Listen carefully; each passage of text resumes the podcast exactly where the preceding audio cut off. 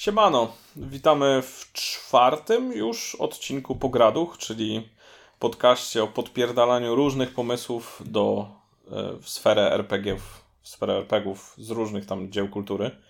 Ja jestem Adrian, a przede mną siedzi Norbert, mój brat.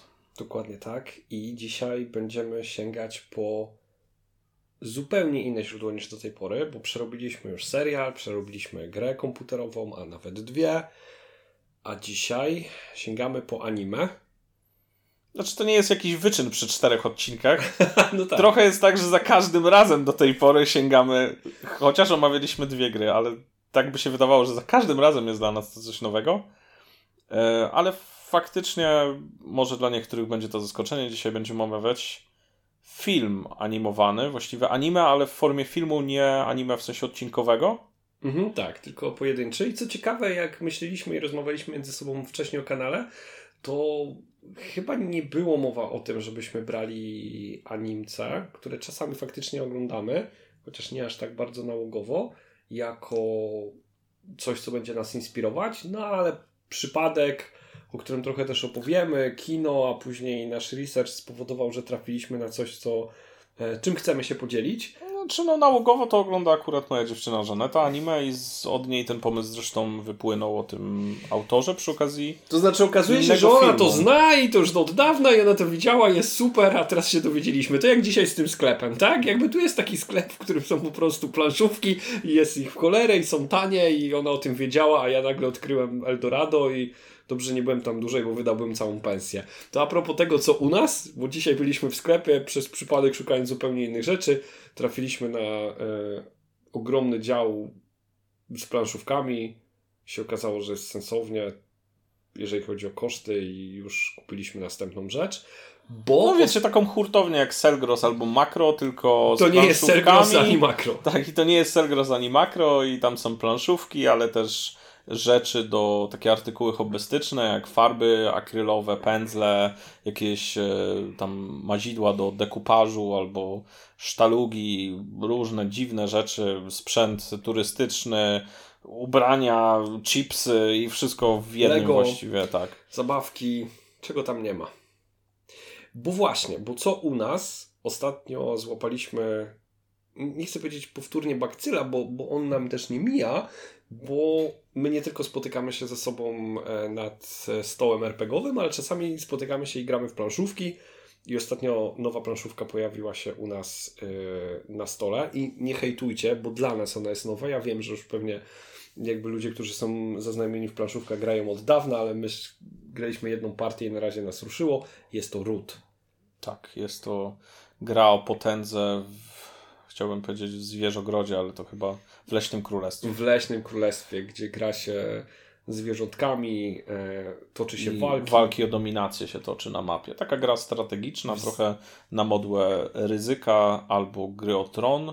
Mhm. Jest to jak swego rodzaju asymetryczna strategia. Każdą nacją gra się zupełnie inaczej. E, w dążeniach do celu prowadzi się ich zupełnie e, odmiennie. No i bierze mnie ten pomysł. Oczywiście dostałem straszny, straszny łomot, e, ale pomysł sam z siebie mnie bierze. Ja zresztą wcześniej byłem wielkim fanem z tego gatunku e, chaosu w Starym Świecie. Który chyba jest jedną z naszych ulubionych planszówek, bo o ile Gra o Tron... W tym gatunku chyba tak. Bo Gra o Tron właśnie patrzę na pudełko i ona jakoś u nas nie usiadła, chyba z racji tego, że potrzeba więcej, większą ilość graczy i takich bardzo zajawionych I, jest i mnóstwo bardzo czasu. skopana instrukcja. W sensie, no może nie to, że skopana, ale ona jest długa, mozolna. Nikt nie lubi czytać 40 stron instrukcji. Czy ona jest źle napisana, za to te, ta gra, gra też jest długa i, i my rzadko mamy tyle czasu. Chaos w Starym Świecie kiedyś królował u nas na stole i super się bawiliśmy, później trochę ekipa chyba się wykruszyła. E, ale ten ród teraz wpadł i, i zrobił swoje. Za to, co ciekawe, dlaczego w ogóle zainteresowaliśmy się tą planszówką? Tak, bo doszły nas słuchy, że na Kickstarterze ufundował się system RPG oparty chyba na PBTA. I to już jakiś czas temu. E, w tym świecie, w świecie Ruta. To jest pierwsza rzecz i są już dodatki, które wychodzą. Są jakieś ptaszki ćwierkają, że on też powinien po polsku wyjść. Chyba za wydawnictwem Stinger Pressu albo Alice Games. O, tak, znaczy ja jakby bardzo przepraszam, bo ja nie ogarniam połączenia, które między nimi jest, bo tam jest jakaś mocna koalicja i faktycznie yy, szukając, zaczęło się od tego, że też na nasze półki ostatnimi czasy trafił Everdell, który wkręcił, ja uwielbiam takie klimaty zwierzątek, antropomorficzne, takich różnego rodzaju przeniesienia, czy to historycznego, fantazy i narzucenia do tego jeszcze tej warstwy takiej powiedzmy wizualnej. Zacząłem trochę szukać RPGa w tych klimatach i znalazłem kilka jakichś tam przeróbek na dedeki i właśnie wpadłem na tego Ruta. Mm, ten Kickstarter, który był super sukcesem, mu się fundował, kolejne dodatki, to e, po angielsku wyszło i trafiłem na informację z zeszłego roku, że w 2023, chociaż nie ma konkretnej daty premiery, ma zostać wydany po polsku, e, więc czekam na pewno. Ale chyba od tej pory, jak trafiłeś na tę informację, mm. bo ta informacja miała nie jakiś czas, była cisza w eterze i szczerze mówiąc obiecaliśmy sobie, że pojedziemy na Pyrkon i przyprzemy do muru e, wydawców. Znaczy będzie spytamy. to wyglądało tak, że grzecznie spytamy. No dokładnie, ale w waszych w waszych wyobraźni niech to będzie tak, że po prostu gadaj, kurwa, kiedy będzie? A tak naprawdę, przepraszam, przepraszam, mógłbym to spytać, moglibyście już wypuścić albo chociaż podać datę premiery. Da, e, tak, to jest jakby różnica tego, to, no, tak będzie.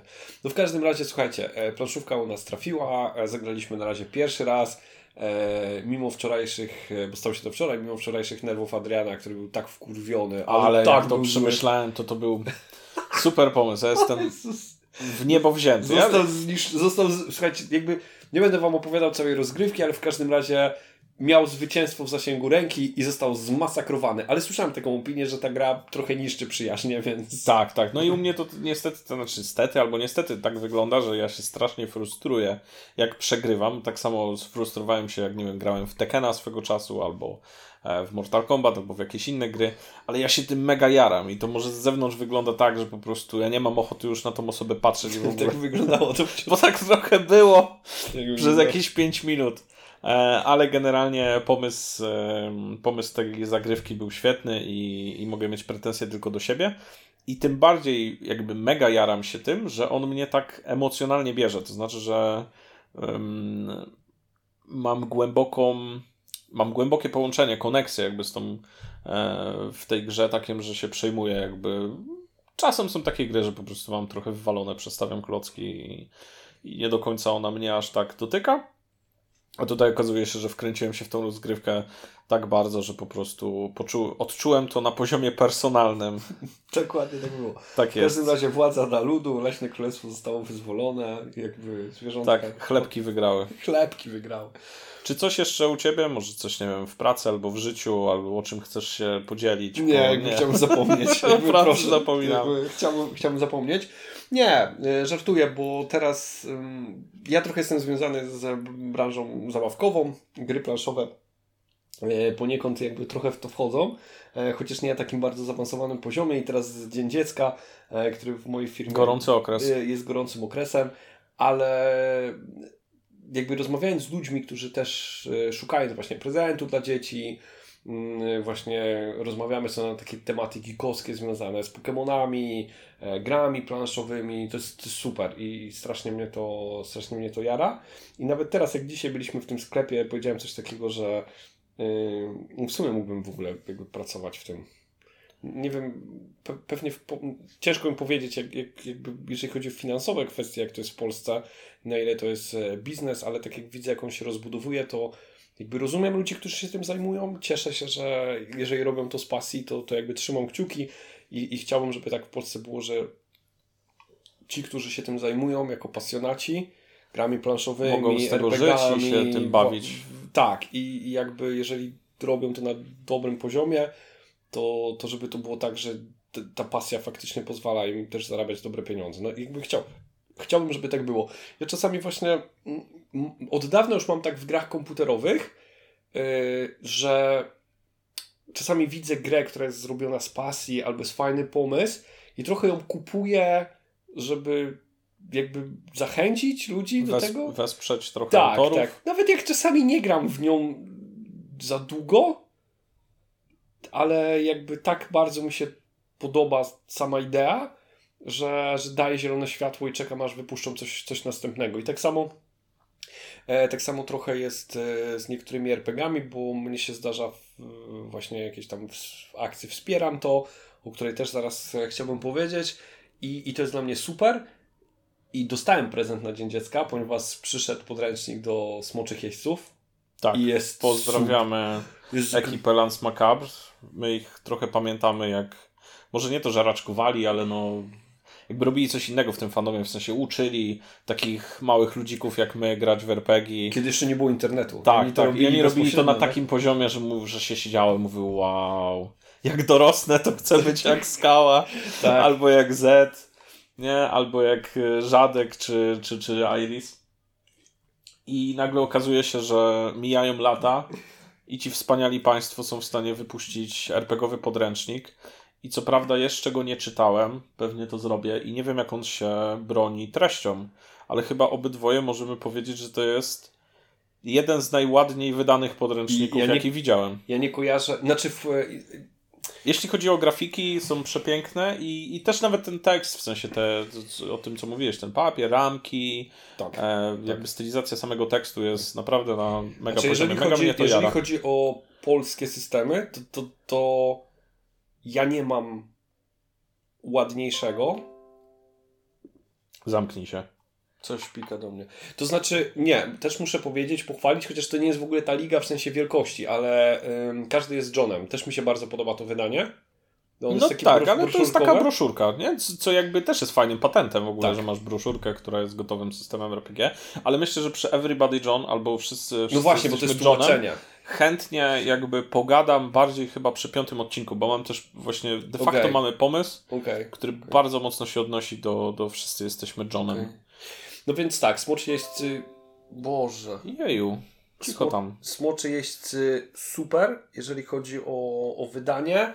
Jeżeli chodzi o treść, jeszcze nie przeczytałem całego, ale pomysł bardzo, bardzo mi się podoba. E, bo, bo już tak jak czytałem wcześniej, e, wkład też e, innych osób spoza Lance Macabre też fajnie to wygląda. Jest spójny, super. Myślę, że myślę, że na, na pewno sobie ogramy i wtedy może powiemy coś, coś więcej. Ale jakby ja bym chciał podziękować. Jakby właśnie to jest to, nie? że jakby fajnie, że z pasji rodzą się pomysły, że one się udają. Ja trzymam kciuki, żeby było to na tyle mało traumatyczne i opłacalne, i nie mówię tu tylko o finansach, ale jakby na, na, różnych polach, żeby zachęcało do tego, żeby jakby robić to dalej, nie? Jakby wydawać, bo, bo ja bym się strasznie jarał i, i na pewno ja będę kupował, no jakby pół, jeszcze trochę miejsca na półce mam. Jeszcze trochę się zmieści. E, dobra, to jeżeli chodzi o to, co u nas, a dzisiaj jeżeli chodzi o odcinek, czyli obiecane anime, wcale nie takie nowe. Ja przyznam się szczerze, że nie do końca wiem, z którego roku jest y, ten film. 2016? Chyba tak. Coś takiego. E, to jest y, Your Name, Kimi no Nawa, e, autorstwa, autorstwa Makoto Shinkai. I tak naprawdę trafiłem na ten film przy okazji oglądania innego filmu jego autorstwa. Który jest nowy który jest nowszy, tak, z 2022 chyba, tylko on tam miał pewne perypetie wychodzenia za granicą, w Japonii, w Ameryce i dopiero niedawno trafił do Polski. Można było go obejrzeć w kinie. Bardzo gorąco polecam. Podejrzewam, że odsłuchując ten podcast już nie zdążycie, ale jeżeli pojawi się jakiś następny. Nie, zdo nie zdążycie, bo ja nie zdążyłem. E, ale jeżeli pojawi się jakiś następny tytuł jego autorstwa, albo w ogóle anime w kinie, to to jest bardzo ciekawe doświadczenie. To jest Suzume, tak? To jest Suzume. Mówię o filmie Suzume. On był, e, ja byłem akurat na, w Cinema City na nim i to robi mega robotę pod względem obrazu, muzyki, nie? Jakby nagłośnienie kinowe i i obraz w kinie jest super. Szczególnie, że te, ten film Suzume jest mega dobrze nakręcony, nawet w kategoriach po prostu zwykłego filmu. I chyba Your Name akurat tutaj ma co nieco wspólnego. I dowiedziałem się, że ten oto autor, yy, według tam niektórych yy, yy, serwisów oceniających filmy, bo on wydał tych filmów, no nie wiem, z 6, 8, może więcej. Pewnie mnie ktoś poprawi. Spytam Żanetę, jak wrócę do domu. to mnie na pewno poprawi. E, I on nie schodzi chyba, powiedzmy w skali do 10, on nie, nie zszedł chyba nigdy poniżej 8, nie? więc wydawałoby się, że to wszystko będą grube filmy. No i obejrzałem Suzumę i to był naprawdę fajny, gruby pomysł. Mam nadzieję, że może, może jeszcze uda nam się nagrać jakiś odcinek typowo o tym, o tym filmie. No i tak trafiłem na Your Name, po prostu za namową, za namową mojej dziewczyny, żeby obejrzeć jeszcze to i pewnie, pewnie zostanę zmuszony, a zresztą sam chcę obejrzeć jeszcze jego inne dzieła. I Your Name to też jest gruby, gruby materiał. No bo to jest tak samo jak z filmami. Ja tak mam, że jeżeli trafiam reżysera i yy, on tra trafia w moje gusta pod względem jakby nie tylko konstrukcji filmu, ale w ogóle jakby konstrukcji opowieści i ma pewne narzędzia, które do mnie przemawiają, czy to za pomocą dźwięku, czy to za pomocą obrazu, to, to później jakby powiedzmy jadąc, brzydko mówiąc, jakby inne dzieła tego autora, sobie po prostu odhaczam i okazuje się, że yy, no jeżeli jakby trafia w twoje gusta, to, to nie możesz źle trafić, nie? I ja, ja mam takiego jednego ukochanego yy, reżysera, i, Jakiego? E, jak, ja znaczy, nie, nie chcę jakby miażdżyć jego nazwiska. To jaki film chociaż? E, znaczy to jest, e, to jest Duna, która jest najnowsza, A, ale okay. wcześniej jest Łowca Androidów, ta, ta druga część. I tak naprawdę Villevein, jakkolwiek mówię, nie chcę jakby tutaj totalnie okay, mierzyć jego nazwiska, za to on do mnie przemawia sposobem obrazu, muzyką, tam, która jest bardzo wpleciona i takim ojej, jakby to powiedzieć, oddaniem pewnego hołdu, jeżeli chodzi o źródło. No bo Łowca Androidów jest kontynuacją i widać tą pewną miłość do pierwszej części. Dla, przynajmniej ja, ją tak, ja, ja tak odczuwam ten film. Na Duna jest, yy, no jest super, jeżeli chodzi o, o adaptację, chociaż nie jest wierną. Jakby jest sporo pozmieniane ale no, bardzo mi się podoba i, i to jest no, to jest chyba w tym momencie, jeżeli chodzi o obecnie kręcący, kręcących reżyserów, to jest reżyser, który, no jeżeli coś wypuści, to, to, to ja, ja w to idę. No dobra, to ja jeszcze nawiążę taką drobną anegdotką, ale już do tematu. Słyszałem, że mm, jakby twórca Makoto Shinkai te filmy swoje tworzy, może nie to, że niskim nakładem, bo, bo to, to jest ciekawe, bo ten film jest super wygląda i ma mega okay. muzykę, ale on podobno tak rodzimie je tworzy, w sensie, że tam na przykład za animację odpowiada tam ktoś z jego rodziny, albo jakieś takie studia, wiesz, on robi tak w najbliższym jest. otoczeniu, nie?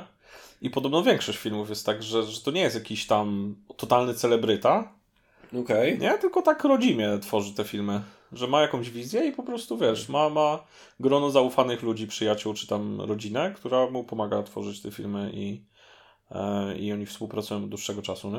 Okej, okay, mega. No ale to, to, chyba też dzisiaj trochę rozmawialiśmy na ten temat już w, przy okazji RPGów, że to czasem jest kwestia tej chemii, nie? Że jakby z ludźmi, którymi coś wspólnie tworzysz, e, jeżeli to masz, to, to, to ta, ta energia jakby będzie cię A ja poza tym odniosę to też do innego tematu, który nam się przejawia w kategorii gier komputerowych i nie tylko, że technologiczny postęp poszedł tak daleko, że może już wcale nie potrzebujemy wielkich molochów, które tworzą super nie, dzieła, e, że, że to nie jest monopol już tylko dla takich właśnie wielkich firm, nie? że można mieć super pomysł, na przykład na, na grach tak się przekonaliśmy o tym, omawiając tam Tunika czy Chain Echoes, okay. tak?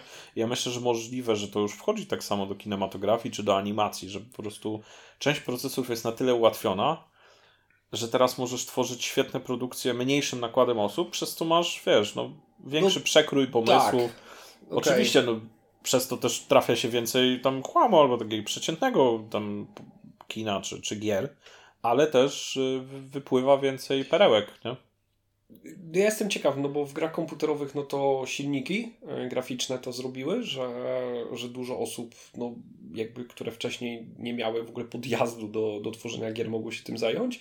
No ja upatruję naprawdę dużą, pokładam dużą nadzieję w sztucznej inteligencji, która wierzę, że jest w stanie ściąć e, koszty i taki próg wejścia do tworzenia na przykład gier komputerowych, że takim absolutnie moim marzeniem jest to, że indyki zaczną się, że zaczną się pojawiać w kategoriach gier MMO które do tej pory są absolutnie domeną ogromnych. Tak, był to taki stempel, nie? że po prostu tak. musi być duża firma tak, no i nie... proces twórczy tam trwał tam w granicach tak. 7 lat, 10. No dobra, ale odbiegamy od tematu. To, to wracamy do Suzume. Do filmu. Yy, nie do Suzume, tylko do, do Your Name. Your Name do Kimi czym, no Nawa. O czym to w ogóle jest? Wiesz co, jakbym miał Ci przedstawić, to to jest taki stary pomysł, który pewnie i Ty kojarzysz i wszyscy Państwo kojarzą. E, poczekaj, poczekaj, jest... poczekaj zanim powiesz, bo jak ja, bo jak będziecie czytać recenzję i zobaczycie, że to jest film fabularny i to jest romans, to tak, ale jakby nie tylko i jakby niech to was nie zniechęca. A jest... poza tym to jest dobry romans, więc jakby... No jest, ale wiesz, jakby niechby ktoś powiedział, że mam obejrzeć film, który jest przede wszystkim romansem i takim bardziej fabularnym, to nie wiem, czy mnie to zachęciło, ale słuchajcie, tam jest dużo więcej i to jest grube, naprawdę jest no Dobra, grube. ale jakby ci ktoś powiedział, że to jest romans typu Joe Black albo e, Don Juan de Marco, to to jest kawał romansu, nie? Mm. I to nie chodzi o... To jest kawał o... filmu, który przy okazji jest romansem. I no i to jest chyba tak jest. tak jest, nie? Że no. po prostu to jest dobra produkcja, która przy okazji jest, jest fajnym romansem. Nie? Właśnie, przy okazji pamiętaj Joe Black i Don Juan de Marco, dwa filmy, które gniotą. Może też kiedyś nagramy, bo oba są świetne. Myślę, że warto o nich coś powiedzieć też. No, no, no dobra, to wróćmy do pomysłu. Czyli pomysł jest stary jak świat, czyli mamy pewnego rodzaju zamianę ciałami między dwójką bohaterów, dwójką głównych bohaterów, czyli Takim i Mitsuchą. Mitsuchą. E, Taki jest e, nastolatkiem, chłopakiem, który mieszka w Tokio, jakby klei jakoś koniec końcem, pracując, ucząc się, robiąc jakieś różne rzeczy, ale takie od jego strony jest pokazane życie w wielkiej metropolii mhm. i ten taki pogoń po prostu za, za różnymi codziennymi rzeczami. E, I Mitsuha, która jest dziewczyną, też nastolatką chodzącą do szkoły, ale w wiosce, na jakichś tam przedmieściach, nie? I ona i ma taki związek bardziej z tradycją. Tam jest ta historia, że ona ma taką pewną tradycję rodzinną, tam bardziej kapłańską pewną, yy, jakby kultywowaną. I ona z kolei z tego z tej mieściny chce się wyrwać. I to Tokio. Brzmi jak... dla niej jak marzenie, nie? Tak. Zresztą tam jest taki motyw, że ona bardzo chce do Tokio jakby uciec już z tego swojego świata E, wiejskiego i zobaczyć, jak wygląda życie w wielkim mieście, a taki trochę na odwrót. mamy wrażenie, oglądając go, że to go trochę przytłacza znaczy, i on chciałby zwolnić. To znaczy, taki, nie, nie, jest tam powiedziane chyba, że on chce jakby uciec stricte z miasta, tylko, tylko jest taki, tak, przytłoczony jest tym wszystkim, nie? Tym, tym co się dzieje. Yy, no tak, to, to, znaczy chyba bardziej też, też takim brakiem poza jego najbliższymi przyjaciółmi, dwójką, ale takim brakiem też bliskości pewnych osób. Nie wiem, to tak, tak, to, tak to odbierałem, że tam wszystko jest. No i tak fabuła szybkie. się właściwie zaczyna. I w którymś momencie bohaterowie jargają się, że od jakiegoś czasu mają takie bardzo realne sny o życiu Kogoś w innym innego. ciele, nie? o życiu tak. innej osoby, które nie do końca okazują się snami, nie tylko. I oni zaczynają się zamieniać ciałami, co, co jest pierwszy taki mały twist. W większości filmów jest tak, że zamiana następuje raz na jakiś tam dłuższy okres czasu, aż czegoś nie uda się odkręcić. Bohaterowie czegoś się o sobie uczą tak. i wró- wracają już do swoich ciał odmienieni, nie? A tutaj tych zmian jest... One się dzieją co dwa dni, nie? Znaczy, chy- chyba. Znaczy, tak mniej więcej to wygląda. One tak. są cykliczne. I jest taki super motyw, że po prostu ci bohaterowie się zamieniają, zdążają sobie trochę namieszać w życiu, później zamieniają się z powrotem, muszą sobie z tym radzić i tak właściwie przez. E, właściwie dzieje się kilka razy, co jest fajne. I tak, i w którymś momencie oni łapią się już na tym, że już wiedzą, że to nie jest sen, i zaczynają w pewien sposób się ze sobą komunikować. Pisząc sobie tam, zostawiając sobie wiadomości w dziennikach, na komórce, w zeszytach, na swoim ciele nawet. To już jak się wkurzają, to, to już jest kolejny wkurzają, etap, tak. E, ale później tak, e, na zeszytach i jest bardzo fajny taki montaż, kiedy oni się trochę dowiadują od swoich znajomych, co zrobili, jak nie byli sobą. Taki, taki sposób.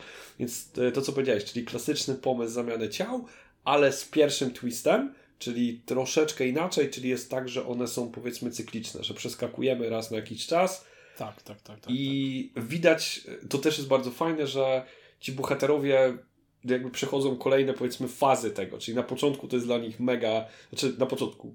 Wierzą, że to jest sen, później jest taka panika, że to jest naprawdę, później to jest takie trochę creepy, a później zaczynają jakby w to iść, trochę się tym bawić życiem drugiej osoby i później jest ten motyw, kiedy się wkurzają na tą drugą osobę, że ona mu pomie pomieszała jakby w jego życiu, w, czy w jej. Mimo, że robią to z dobrymi intencjami, po prostu oni się różnią. Na przykład no, taki jest no, jakby bardziej męską postacią, jest chłopakiem, więc na przykład lepiej sobie radzi jako konfrontacyjny. słucha w konfrontacjach właśnie, że ona jest tam, z niej się czasem naśmiewają i tak dalej, on jakby bierze sprawy w swoje ręce i trochę nie daje sobie w kaszę dmuwać, a z drugiej strony Mitsuha ma lepsze kontakty z płcią żeńską, bo po prostu wie, jak dziewczyny lubią być traktowane i na przykład jest w stanie mu umówić na przykład jakąś randkę albo coś tak, takiego. Tak. I potencjalnie to są niby dobre pomysły, no ale trochę mieszające ci w życiu i też nie jesteś zadowolony z tego, więc oni się na siebie denerwują. To jest mega, mega urocze, fajnie się to, e, fajnie się to ogląda. No właśnie, nie, ale to nie jest takie, m, mm, dla tych, którzy nie oglądają e, anime, to nie jest takie dziecinne, nie, takie prostackie. Znaczy na początku jest, ale ten ich związek, bo oni w, w pewien sposób jakby cały czas się w sobie jakby w ten, e, w ten sposób zakochują. Jakby od pewnego czasu, mhm. od pewnego tam razu sobie to uświadamiają, ale, ale to dzieje się pewnie od samego początku i to ich zakochanie ma jakieś tam, e, ma jakieś fazy, nie? I to, to mniej więcej można odnieść w ogóle do, do struktury jakby związków, do, do fazy fascynacji swoim, nie wiem, ciałem, próbowaniem zmienienia danej osoby na, na swoje podobieństwo, pogodzenia się później. Tak, w zasadzie ja wiem lepiej, jak ty Tak, denerwowania żyć. się na drugą osobę, nie? I fajnie widać właśnie to, że ten związek de facto, zanim ci bohaterowie jeszcze w ogóle się spotkają, powiedzmy tak twarzą w twarz, on już przeszedł ileś faz w ogóle, nie? I on już jakby jest takim... Oni jak się spotykają, to już jest taki w miarę dojrzały związek, nie? Tak, i jakby on też jest na tyle realny, że my jesteśmy gotowi wierzyć, że, że jest. No właśnie, ale słuchajcie, bo teraz zaczniemy walić naprawdę już grube spoilery, więc jeżeli nie oglądaliście, to sobie to zatrzymajcie, obejrzyjcie i wróćcie. Ja myślę, że możemy w ogóle o spoilerach to mówić w jinglu, nie? Jakby to, to tak, ja chyba takie zrobiłem Ten podcast jingle, to jest nie? po prostu jingle powinien być spoiler, spoiler, spoiler! Tak będzie, no. E, po prostu musicie się przyzwyczaić do tego, że ten podcast jest mocno spoilerowany, jak to e, powiedziałem wcześniej. No bo jest drugi twist, bo cały czas zostajemy przy tym pomyśle zamiany ciał. Pierwszym drobnym twistem jest to, że te zamiany są takie czasowe i oni do siebie wracają i ci bohaterowie poprzez to, co robią w drugim ciele oraz to, co się dzieje z ich życiem za pomocą jakby trochę tej drugiej osoby zmieniają się, ale w którymś momencie wypierdzielamy drugi twist. Bo, bo w ogóle, no tak. słuchajcie, będą jeszcze dwa. To, to, to jest jakby jest drugi... taki moment, że, że taki e, chyba przestaje mieć te wizje, e, te sny i jakby on mega tęskni po prostu za, za tą e, i postanawia ją odnaleźć. Jakby wiedząc już, mając kilka wskazówek z jej życia, czyli no, tego, że mieszka na wsi, że chciała właśnie do Tokio wyjechać i tak dalej. I, I, chyba taki jest całkiem niezłym rysownikiem czy malarzem, więc on jakby wyobrażając sobie, przypominając sobie te sceny ze swojego snu, mhm. jest w stanie narysować, narysować krajobraz, mniej więcej sobie przypomnieć, gdzie Mitsuha mieszka i tak Dobra, dalej. to jeszcze powiem, bo dla tych, którzy w tym momencie mówią, że jest debilem, bo wystarczyło sobie po prostu zapisać nazwę e, miejscowości, jest to też wytłumaczalne. W ogóle jakby to anime jest dobrze poukładane, jeżeli chodzi o tłumaczenie. Otóż tam jeszcze jest coś takiego, że to jest jak w snach, czyli oni w pewien sposób zapominają niektóre rzeczy. Czyli jakby pamiętasz niektóre sceny ze swoich snów, ale niektóre nie. I im dłużej, to one się jakby zacierają, więc on nie jest w stanie zapamiętać nazwy miejscowości, kropka w kropkę, ale ma pewne właśnie przebłyski obrazów. Dobra, bo, bo to było takie tak, bo to też jest pewien taki twist, że oni tak super. Dlatego ta nazwa, bo oni zapominają nawet czasami swoje imię. Tak, tak. Stąd się, stąd się faktycznie bierze nazwa. Sorry, bo ci przerwałem. E, nie, wcale się nie zgubiłem w ogóle. A, okay. w ogóle. E, no ale w każdym razie, on e, faktycznie wpada na taki pomysł, żeby jej po prostu poszukać. E, I tam towarzyszą mu w tym jego przyjaciele, tak? E, I w którymś momencie faktycznie trafia na E, jakąś wskazówkę, skąd jakby ten jego jeden z obrazów może pochodzić, że jest mega jakby realnym odbiciem pewnego miejsca. No to chodźmy tam. Jakby spotkajmy miłość mojego życia. No halo, halo, ale to miejsce... Przestało istnieć. Przestało istnieć. Jak bo, to? Tak, bo okazuje się, że miasteczko, w którym jakby o którym on śni, w tym momencie nie istnieje, ponieważ spadł na nie meteor. Trzy lata temu. I to właśnie, po pierwsza rzecz, jakby, że jest Armagedon, a po drugi kolejny twist okazuje się, że trzy lata temu to się stało. I w tym momencie zaczyna. Już, to ja już byłem wtedy złapany i tak naprawdę siedziałem mega wkręcony w to anime, ale to już wymaga pewnej koncentracji, ponieważ nie dość, że mamy przestawienie miejsc, to mamy jeszcze przestawienie na, liś, na osi czasu. Okazuje się, że.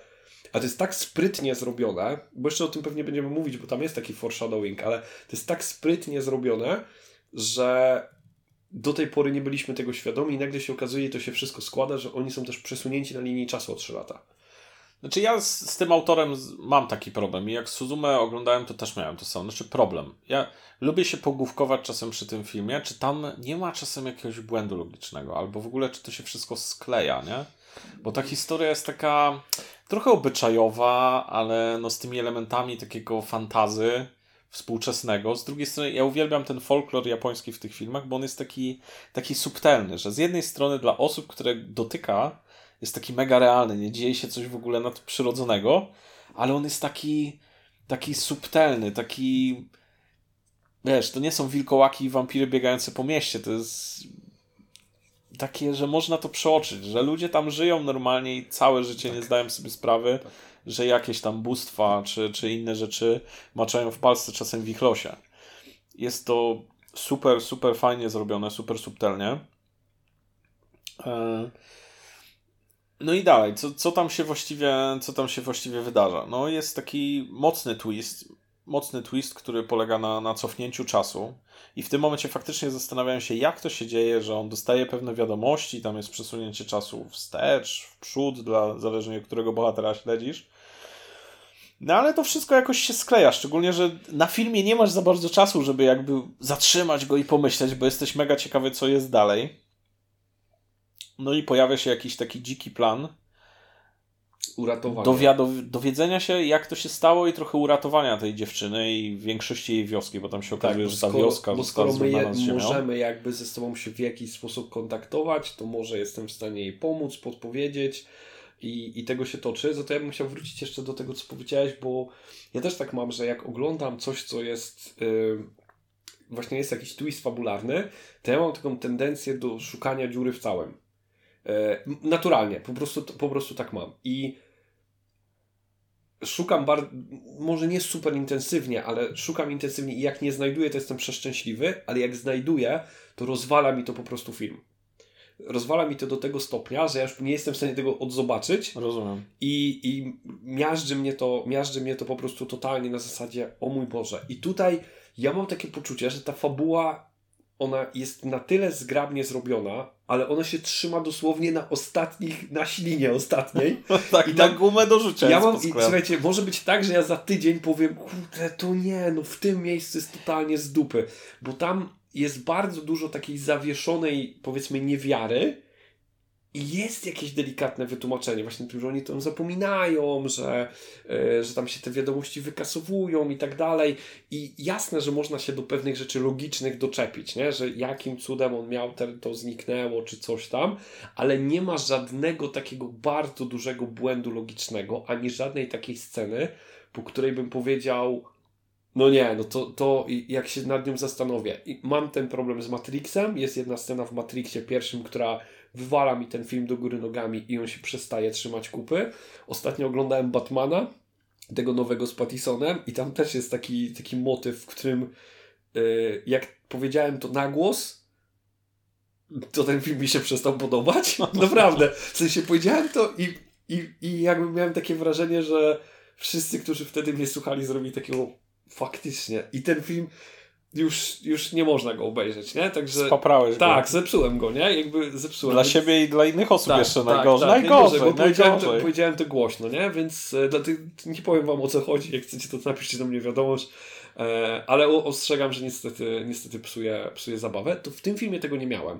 Znaczy wiesz co, ja tak, mm, może nie to, że nie mam, ja mam co innego, bo wydaje mi się, że jakby ktoś głęboko poszukał, to jest w stanie doszukać się jakichś błędów logicznych, nie? Tylko, że ja mam tak w tym filmie, że chcę, żeby to jednak było, żeby było ok, nie? I nawet jak, bo ty powiedziałeś coś takiego, że jak znajdziesz już tą dziurę w całym, to czasem ten film ci się nie podoba. Ja mam wrażenie, że on mi się nie do końca logicznie składa, ale i tak mi się ten film podoba i tak kibicuję tym bohaterom i tej historii, nie? Ale Jakby wydaje, nie przeszkadza mi to. Wydaje mi się, że to też wynika z tego, jak on jest skonstruowany, bo o ile te akurat przykłady, tam Batman i, i Matrix, one starają się udawać rzeczywistość i starają się logicznie coś wytłumaczyć. I wtedy, jak to się wywala, to jakby nie masz podjazdu. A tutaj, w tym anime, on jest od samego początku taki dla mnie trochę oniryczny, taki niedopowiedziany i, i on nie udaje tej logiki, wręcz trochę ją zaciera. Tak, trochę ją wręcz rozmywa, zaciera, nie? Tam zresztą w tym, w tym filmie pojawiają się jakieś takie foreshadowing e, takich różnych zdarzeń, albo otoczenie tych bohaterów zaczyna się jargać, że oni chyba coś z nimi nie tak, bo no, średnio co dwa dni zaczynają się zachowywać zupełnie inaczej. I ci bohaterowie oczywiście tego na początku nie łapią i tak dalej, ale e, tam otoczenie trochę daje znać widzowi, że coś jest nie tak, że jakby no właśnie przywołując to do Matrixa, że jest jakiś błąd, nie? Że coś, tak, coś, coś tu nie gra, nie? Something is not yes. Something is not yes, dokładnie. I e, no to jest akurat tutaj, my nie jesteśmy akurat tak dobrzy z folkloru tego japońskiego, ale kilka tam smaczków takich e, odnoszę nawet do, do, do jakiegoś słowiańskiego czy europejskiego folkloru i, i mega się bawiłem, a pewnie mógłbym wydubać dużo więcej z tego. Ale tam jest jakieś odniesienie do takiego bóstwa, któremu służą te, te dziewczyny, tam kapłanki. I okazuje się, że ta rodzina Mitsuchy, właściwie każda z nich przeżywała w pewnym okresie w swoim życiu jakieś e, sny takie prorocze, jakby śniła inne życie. No i po prostu Mitsuha się na tym łapie i faktycznie okazuje się, że to jest, że to jest realne, że to nie jest tylko, tylko jakiś sen o wymyślonej jednostce, nie? Tylko, tylko faktycznie jest to żywa osoba. I tam jest jakiś związek z takim bogiem, bóstwem czasu trochę i połączeń takich wszystko tam jest porównane do takich nici losu, które się splatają ze sobą. Zresztą ja miałem takie, takie odniesienie do tych, do tych dziewczyn, które, które w tej świątyni pracują, bo tam jest babcia, jest Mitsuha jako ta młoda się... dziewczyna i jej młodsza siostra. No jak Moiry, do tak. tkaczek losu, do Moi, tak, nie? Do takiej tak. starej tkaczki jakby w kwiecie wieku i, i właśnie jakby dziecka. E, I, I na tym jakby trzon tego pomysłu chyba na tym jest zaczepiony. I te filmy jego właśnie są takie, że, że one są e, w pewien sposób obyczajowe i przeplatające się z jakimś folklorem po prostu pewnie japońskim gdzieś tam w tle i to jest główny niby pomysł fabuły, ale on nie jest tak na pierwszym planie, nie? Tak, on jest delikatnie zrobiony, to mi się podoba, że to jest takie urban fantazy, ale takie no właśnie, takie delikatne w tle, to nie jest tak, że wyskakuje ci, wiesz, potwór, tak jak wilkołak, nie? I jakby coś nie, się nie, dzieje. Nie, nie, nie, to jest bardzo, bardzo fajnie, bardzo super, subtel, bardziej subtelnie zrobione i przyjemnie się to ogląda. A propos przyjemnego oglądania, bo o fabule dalej jeszcze pociągniemy, ale właśnie o to chodzi, że to się mega przyjemnie ogląda, bo to jest pod względem kreski i kadrów w ogóle, to jest mega super produkcja, naprawdę. Kreska na najwyższym poziomie, kadry, widziałem takie porównanie, widzieliśmy e, tak, kadrów z, jakby Tokio i później miejsc. nałożone na to kadry jakby animacyjne i to jest no dokładnie to samo miejsce, idealnie Ale przeniesione, ładniejsze. tylko ładniejsze jest tam bo są po prostu lepsze światło. Bo są przyciągnięte jest, kolory. Taki tak, kolory, oświetlenie. Impresjonizm trochę taki. No. Wiesz, animacja jakby możesz robić co chcesz, nie musisz mieć idealnych warunków świetlnych do zdjęcia, możesz je sam sobie wytworzyć i no ta animacja w tym filmie jest przepiękna. I są e, fenomenalne myki, bo jest taki moment, ja, ja, się złapałem na tym, że to oglądałem i miałem wrażenie, że oglądam film, dlatego że pewne rozwiązania filmowe, takie jak e, tak, specjalne kadrowanie, e, najazdy, e, najazdy Ruch, kamery. Praca w postaci w ruchu kamery. Time loopy są takie przyspieszone, tak jakby montaż pewnych ujęć, tak, jak z tak. takich filmów noir, albo ten, w tak, niektórych tak, takich montażowych z muzyką i ten. Jest bardzo. Jest ja mam film, wrażenie, jakbym filmowy. oglądał ten film jako film, to on by bił trzy czwarte filmów Hollywood na głowę jest, w ich kategoriach, tak, nie? Tak. Mimo, że to jest zupełnie inne dzieło, no bo to jest animacja, a nie film aktorski, to on by w ich kategoriach bił ich na głowę. Tak, no jeżeli chodzi o wizualną część, to no to jest przepiękne. To, nie tylko, bo też w muzyce, tam jakby w tym filmie ma, mam wrażenie, on się dzieli na pewne akty związane z tymi twistami fabularnymi i tak dalej. Najpierw, gdy bohaterowie się w ogóle jest jakieś nakreślenie historii, dowiadują się o tym y, pierwszym jakby twiście, później dowiadują się, e, że, że tam jest jeszcze przesunięcie w czasie i tak dalej, jakieś rozwiązanie akcji. Często towarzyszy im jakby montaż ujęć przedstawiających na przykład obydwu bohaterów życie w tym samym mhm. czasie, w postaci takiego klatkarzu trochę jak z komiksów albo coś takiego.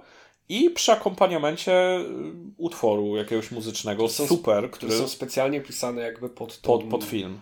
Tak, I szczerze mówiąc, mam, mam wrażenie, że, że ten gość tak współpracuje po prostu, bo Suzume oglądałem i tam ścieżka dźwiękowa jest na takim samym super poziomie. Nie? Tak, jakby muzyka jest y, absolutnie integralną częścią tego, nie jest tłem, i tak jak właśnie powiedziałeś, ja też miałem takie wrażenie, że y, utwory konkretnie dzielą y, cały ten film na akty. Jakby jest taki, są takie bardzo mocne akcenty właśnie związane z utworem, który powoduje, że przeskakujemy z jednego aktu opowieści do drugiej. Mało tego, bo czasami y, na tych montażach jest przewinięcie czasu pewne Czyli ten montaż właśnie z tym, jak oni się zamieniają i jakby przeskakujemy ileś dalej, widzimy jakby pewne takie sceny razem z muzyką i jesteśmy już kawałek dalej i już kolejny akt ma troszeczkę inny wydźwięk. No, no tak, bo ten sztos. film jest prowadzony w ten sposób, że nie tylko bohaterowie czują się w pewien sposób oszukani, że tam jest przesunięcie czasu, ale widz też jest prowadzony w tej niewiedzy. Więc dla nas jako widza tak. też to jest super zaskoczenie. I tam jest jeszcze jeden twist fabularny związany z czasem, który wychodzi później i on już zapętla tą historię e, w super koło dla mnie. Ale to, e, to dojdziemy do niego. No i ten bohater, jakby taki, wpada na pewien sposób, bo on przestaje mieć tę wizję i on za punkt honoru jakby chce uratować jakby swoją niedoszłą dziewczynę od tej katastrofy i też nie, mieszkańców. Niedoszłą przyszłą. Niedoszłą przyszłą dziewczynę mhm. z katastrofy komety i jej wioskę i wpada na pewien pomysł e, tam właśnie połączenia się, tam jest takie miejsce, gdzie on, one zanoszą takie dary do tego bóstwa, e, który, którym się opiekują, jakby którymś ze świątyni się wywodzi. I tam jest trochę powiedziane, że to jest takie miejsce poza czasem i przestrzenią ta jego świątynia. I on trochę tam idzie wyprosić w pewien sposób jakby ponowne spotkanie, cofnięcie się w czasie, nie wiadomo co do końca. Okej, okay, to jest jedno, ale tam jest jeszcze druga taka zapowiedź, taka bardzo delikatna, że oprócz samego miejsca to też jest pewien czas, to jest ten zmierzch, to jest, to jest zmierzch czy świt? Hmm, chyba ten. Zmierzch. Wydaje mi się, że to jest takie to zaraz przed zachodem słońca, ten taki. Ten idealny czas, kiedy zachodzi. Kiedy jakby łączą się jakby dzień z nocą. Tak mi się wydaje. Jakby zaciera jest, się no. granica między właśnie pewnymi też czasami. I to też jakby jest tak delikatnie gdzieś wcześniej, wcześniej powiedziane. No tak, i wpada na pomysł. Tak, no i jest tam faktycznie ten motyw, kiedy no udaje się chociażby cofnąć to na tyle, żeby mieć drugą szansę. Przekazać informację. Przekazać informację, że coś takiego się stanie. Piękna scena. To jest w ogóle jakby, o Jezus, jest tak zmontowana niesamowicie i co dziwnie zabrzmi, ale jest tak super zagrana, o tym też będziemy mówić. Znaczy tam jest w ogóle dziwne, bo, bo tam jest tak, że on przede wszystkim najpierw powoduje, że on tę wizję zaczyna z powrotem mieć, czyli on się budzi w ciele tej dziewczyny tak. o dacie takiej, którą wie, że coś tam się stanie, nie? Tak. I on jakby za pomocą znowu jej ciała jest w stanie wpłynąć na ten świat z jej czasów, żeby no, zapobiec temu. Wiesz co, ja tak, teraz nas słucham, to się nie da tego wytłumaczyć. No, musi, musi, nie no, musicie, musicie to obejrzeć. Musicie, to jest jakby... musicie zobaczyć, bo tam jest dużo wątków, bo tam jest y, pewne wątki związane na czasie, pewne związki związ y, na przedmiocie, y, który on, on, wędruje w taki dość dziwny sposób też między, jakby między nimi. No ale ogólnie koniec końców jakby bohaterowie zaczynają w tym labiryncie łapać się, wpływać na siebie nawzajem, doprowadzają do sytuacji, kiedy w jakiś sposób są świadomi tego nadchodzącej tej katastrofy i próbują na nią wpłynąć. No i jakby dochodzimy do, do samej katastrofy i jest pewne zawieszenie. Nie wiadomo do końca. I jest końcówka, która. I później jest w sumie. Są dwie sceny, które są świetne w tym. Nie wiem, kiedy następuje ta scena, która zapętla tą całą akcję, ponieważ ta dziewczyna już wcześniej jedzie do Tokio, e, żeby go spotkać, nie? Słuchajcie, to, jest. Nie, nie, jesteśmy w stanie Wam tego wytłumaczyć. W każdym razie zobaczcie, bo e, my dzisiaj rozmawialiśmy na tym a propos ostatniej sceny, i ja bardzo często, bardzo często mam to, że widzę ostatnią scenę i mówię, mm, nie mieli Ten scenariusz mógłby być lepszy, jakby trzeba, trzeba było uderzyć, trzeba było zrobić w ten sposób. E, I tutaj ta scena jest jest, jest dobra, jest naprawdę, naprawdę fajna. Ten, ten, ten film mógł się skończyć na różne sposoby i, i wydaje mi się, że byłoby kilka naprawdę dobrych zakończeń, ale to, które zostało wybrane przez autora, ja je akceptuję. Ono mi pasuje, jest logiczne, yy, domyka mi tą opowieść, jest, jest naprawdę zrobione ze smakiem i ja się cieszę, że zostało wybrane. Ja pewnie wybrałbym coś innego, ale absolutnie rozumiem, rozumiem ten wybór i jest fajnie. I jest co, ja bym chyba miał, chciałbym mieć odwagę wybrać też to, co oni wybrali. W sensie wreszcie zrobić coś, no bo z drugiej strony my robimy takie historie mm, czasem na naszą modłę i tak dalej, i tu właśnie chciałbym mieć tą odwagę zrobić to jednak inaczej, nie? Nie tak jak my zawsze. Słuchajcie, no. to nie będziemy. To, właśnie, to, to, to jest pierwsze zobaczyć. dzieło, który ja omawiam i ten podcast jest mocno spoilerowy i po prostu on ma rozbijać pomysły na RPG, ale to jest taki film, że aż nie chcę wam po prostu no, mówić, zobaczcie, no. Zobaczcie, bo... Po prostu musicie go obejrzeć. Nie, ja rozumiem, że ktoś nie przejdzie Tunika, nie przejdzie Chained Echoes, nie wyda tych 60 godzin swojego życia, żeby to przejść. Możecie nie oglądać The Last of Us, który jest całym sezonem. Ale to zobaczcie. No kurwa mać, to są dwie godziny, tu musicie to zobaczyć, nie? Jest, Jakby po prostu... Jest dobre.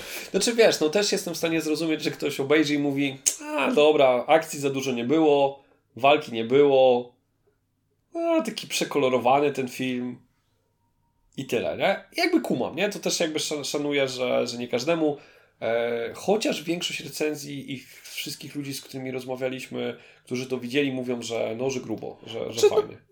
jasne, ja też skłaniam się do tego, że to może komuś nie podejść, ale jestem w stanie oddać cześć, cześć, nawet jak to nie jest mój klimat, nie? Że to jest po prostu dobra opowieść w swojej kategorii, nawet jeżeli nie do końca lubię tą kategorię, nie? Znaczy ja nie lubię tej kategorii, a mnie się podobało, nie? To, to, to już też No, dużo. trafiają się takie filmy, że właśnie to nie jest twój typ filmu, który wybierasz na niedzielny wieczór, a i tak potrafi cię zaczarować, nie? I to jest, jeden z, to jest jedna z takich okay. produkcji jak dla mnie. No dobra, okej, okay. mówiliśmy trochę o fabule, powiedzieliśmy e, o tym, jak ona się toczy, wizualna część, muzyka, bohaterowie, no ale przejdźmy teraz już konkret do wyciągania do RPGów. z RPGów. No bo kurczę, zresztą powiedziałeś coś takiego, że my oglądając ten film też jesteśmy trochę pogubieni, bo jednak film może się bawić z tobą jako widzem, i może zrobić powiedzmy z bohaterami, że oni też nie, właśnie ten motyw, że zapominają. No przy stole pewnych rzeczy nie jesteśmy w stanie zrobić, ale mamy kilka pomysłów e, i mamy kilka rzeczy, które my sami byśmy chcieli do tego, e, do tych RPGów e, sobie wyciągnąć. No i przy okazji jakby patrzenia już na ten podział e, RPGowy, czyli powiedzmy, że scenariusz i pomysł w ogóle na scenariusz jest po stronie mistrza gry i tak dalej, a aktorstwo bohaterów jest po stronie graczy, no to powiem wam, że aktorstwo, przecież to dziwnie brzmi, no bo tak. to jest animacja, to są, to jest kilku ludzi, nie? Bo to jest zarówno animatorzy, jak i aktorzy głosowi. To jest kurwa na najwyższym poziomie, nie? No Tyle ile oni emocji potrafią przekazać, zarówno grając głosem, jak i kreską, e, łzami czy uśmiechem tych postaci pod względem animatorów. No majstersztyk, nie? No tak, tylko widzisz, no my siadając przy stole, my nie jesteśmy aktorami, więc wiadomo, że nie zrobimy tego na, na takim poziomie, ale to jest to, co powiedziałeś, że z jednej strony, i to bardzo często e, też słuchając na temat tego, tego e, filmu i rozmawiając z innymi, mm, często jedną rzeczą, którzy ludzie podkreślają, mówią, kurde, super jest fabuła, jest fajny twist, jest fajnie to zrobione i to jest coś, co jest po stronie mistrza gry, ale drugą rzeczą, nie wiem, czy nie tak samo ważną, albo może nawet Na ważniejszą, tak samo ważną. jest to yy, odnośnie bohaterów, nie? Jakby jak oni się, po pierwsze, jak oni są zbudowani, jak oni ze sobą w dość dziwny jednak sposób, ale mają interakcje i jak oni się zmieniają. I to już jest typowo po stronie, po stronie graczy. I to pokazuje, że żeby zrobić taki majstersztyk, bo, bo dla mnie naprawdę ten film no, jakby jest w takiej kategorii topka, to potrzeba zarówno dobrego pomysłu, dobrego tła i jakiegoś twistu albo, albo tego, co jakby napędza tą opowieść, no, no bo jednak jest też taki presja później czasu, ale z drugiej strony to, co robią sami bohaterowie. I tutaj no, nie dałoby się, ten film nie miałby dla mnie takiego wydźwięku, gdyby, gdyby nie to. Więc jeżeli chodzi o podejście jakby do pomysłu takiego stricte i to, to jakby do graczy, czyli bohater buduje relacje i on się zmienia. Tak, ta relacja go zmienia, zmienia go otoczenie, jakby wokół tej relacji, które się dzieje. To jest trochę no, ten sam pomysł co The Last of Us i mówiliśmy, mhm. że, że ta sama relacja między bohaterami po prostu wpływa na nich w jakiś sposób i oni mogą ewoluować jako bohaterowie. Nie? I to widać ewidentnie jakby tutaj. Bo ci bohaterowie no, są tacy, jak ich przedstawia ten film, to oni się wydają tacy przeciętni, nie? No to jest po prostu... No są, nie, no bo są no, przeciętni. Nastolatkowie chodzą do szkoły, tam ktoś pracuje na powiedzmy popołudniami, żeby sobie dorobić, nie? To są zwykli ludzie, nie? I, i to nawet nie chcę powiedzieć, że oni są niezwykli na samym końcu, tylko jak ta super, jakby jak ta relacja potrafi ich super zmienić, że oni w naszych oczach widzów oni są totalnymi herosami później, nie? Tak, tak, tak. Ale to mówię, po pierwsze sami wywołują pewne zmiany, zmieniają się sami jako bohaterowie i trochę wspólnie sobie powolutku lepią i zmieniają tą relację, która jest między nimi. I tam jest też takie bardzo fajne i w filmie jasne, no bo jakby jako reżyser czy, czy autor tego panujesz, ale tam mi się strasznie podoba, że oni razem przechodzą przez te fazy. Czyli jest tak, że jeżeli jest ten moment, kiedy powiedzmy jedno z nich zaczyna się denerwować, że tam jakby przejada całe pieniądze, tak? E, że dziewczyna, dziewczyna prze, przejada całe jego pieniądze, bo jest w kawiarni i zjada takie rzeczy, które po prostu u niej na wiosce jej nie ma, to jednocześnie on te, to, to, i to jest jakby jego nerwy, to ona się zaczyna denerwować, że on też coś zrobił, tak? I chodzi o to, że jeżeli widzisz, że ta relacja się zmienia i jeden gracz trochę ciągnie, to powiedz, ok, dobra, pójdźmy w to, to ja też zrobię krok w tą stronę. Tak, i jakby zmierzymy się z tym dialogiem na tym samym poziomie tak. na przykład. No czy, bo bez, bez sensu z tą jest... historią, nie? Chcesz bo... opowiedzieć na przykład teraz historię, nie wiem, o gniewie czy coś, zróbmy okay. to razem, Pójdźmy, nie? Jakby nie? podenerwujmy się na, na tam różne rzeczy, ale w sensie, żeby to miało taki wydźwięk, nie? Bo, bo czasami jest tak, że jest taka, że jeden z graczy, nie wiem, próbuje się zmienić, a drugi jest taką ostoją i cały czas gra to samo, nie, nie, fajnie też jest, po prostu... Wiesz, też to, to można zrobić. To się bierze chyba z, trochę z improwizacji, też jak, jak ludzie grają w teatrach, że warto jest po prostu poobserwować innych aktorów i tak poobserwować ich, w którą oni stronę mają pomysł, żeby ta scena poszła po prostu, nie? I, I jakby podegrać pod nich, tak, nie? podegrać, właśnie. Po, podegrać, to. ale no grać razem z nimi w to, co oni na przykład chcą. Zaraz to się pewnie zmieni i na przykład zagramy coś, co, co ja chcę, ale nie ciągnijmy zawsze w swoją stronę, E, czasem jak my mamy pomysł, to pewnie ktoś pod nas podegra, jak ktoś ma pomysł, to podegrajmy pod niego. No ale wtedy to ma super, super e, wydźwięk, bo gramy coś wspólnie, nie? Jesteśmy połączeni na tym właśnie e, schemacie, że nie gramy w tym dialogu czy w tej scenie zupełnie dwóch różnych tak naprawdę mikroscen czy mikrodialogów o zupełnie czym innym. Zgadza się wierzę, że to czasem po prostu miałoby pewnie sens, jakby zrobione było z premedytacją, no ale bardziej jako taki wyjątek od, od reguły. ale tutaj ewidentnie widać tą po prostu koneksję między nami, że, że gramy to samo, nie? Że ktoś ma jakiś pomysł na, na scenę, zagrajmy jakąś tam, nie wiem, relację w związku taką, taką i pójdźmy w to obydwoje, nie? Podenerwujmy się na siebie, czy wzruszmy się razem a propos czegoś, czy cokolwiek innego. I tutaj no kilka takich rzeczy się dzieje, nie? Bo, ty, bo tych faz relacji oni przechodzą e, kilka. Ale zawsze przychodzą je razem. No tak, tak jakby, no bo mówię, to jakby z poziomu widza to to wygląda jakby ten ich związek taki miłosny, mimo że oni jakby no to przeżywają nie widząc się jakby w tym samym czasie, no jakby przechodzi pewne fazy, nie? I ten, mówię, to dla mnie jest e, idealnie to, że ten związek przechodzi kilka po prostu e, po prostu etapów, nie? Do takiej dojrzałej powiedzmy miłości, tak? Mhm. Jakiś tam e, kilka różnych, różnych dróg ma e, przystanków. E, więc na, na tej bazie jest to zbudowane. Czy pomysł na linie czasowe jest w ogóle do, do przełożenia? Z graczami tak bezpośrednio Kurde. ciężko, nie? My żeśmy na tym dyskutowali. To znaczy, na pewno jest. Myślę, że nie wprost tak, jak jest w tym filmie. To jest do zrobienia, za to to jest tak karkołomny dla mnie, jako mistrza gry, tak karkołomny pomysł i tak niebezpieczny. I on się może wykoleić, bo wy, Wiesz, RPG to jest improwizacja. Znaczy z jednej nie? strony chcesz, żeby on się wykoleił, tylko w odpowiednim czasie, nie? Bo gracze muszą się pojargać. Nie, ale to nawet nie chodzi o pojarganie. Chodzi o to, że yy, w którymś momencie z racji improwizacji możesz totalnie zgubić yy, konsekwencje. I no, nie jesteś w stanie czegoś odkręcić już później. To, znaczy, mówię, tam jest mega dużo pułapek. Jest, ja myślę, że większość tak, tak czuje że większość graczy, mistrzów gry, którzy grają, prowadzą RPG, albo miała ten pomysł i została na poziomie pomysłu, albo spróbowała to zrobić, bo ja też tak miałem, za to on jest tak karkołomnie trudny w RPGach, gdzie jakby dochodzi No dobra, no ale myślimy, myślimy o tym pomyśle, jeśli chodzi o linie czasowe z punktu mistrza gry, nie? A pomyślmy też jakby na szerszy obrazek i w ogóle na szerszy obrazek, jeśli chodzi o linie czasowe. Może nie weźmy same linie czasowe, ale tą zamianę ciał na przykład, nie? To, to też się da z, zrobić od strony gracza. No, niekoniecznie zamianę ciał, ale kilka, kilka było aspektów różnych RPGów zajmujących się na przykład tym, że żyje, żyje kilka istot na przykład w jednym ciele, albo mhm. masz jakieś cząstki tam innej istoty, nie wiem, jego duszy czy coś takiego i można mieć pewnego swojego, pewnego rodzaju, nie wiem, rozdwojenie, rozstrojenie jaźni. I tu nawet nie chodzi o to, żeby ten gracz po prostu cały czas to odgrywał, ale gdzieś tam w historii może on może też ten wątek jakby pociągnąć, nie? Czyli ale nie wszystkie co? te wątki są zarezerwowane Chyba też dla mistrza odegrał. Bo jeżeli napiszesz to tylko w historii, że mamy No nie, nie, no, oczywiście to musi wyjść, nie? Tylko, że po prostu, no nie musisz tak, wiesz, no, mam wrażenie, że czasem jak zrobisz tak intensywną postać, to ktoś po prostu może tego...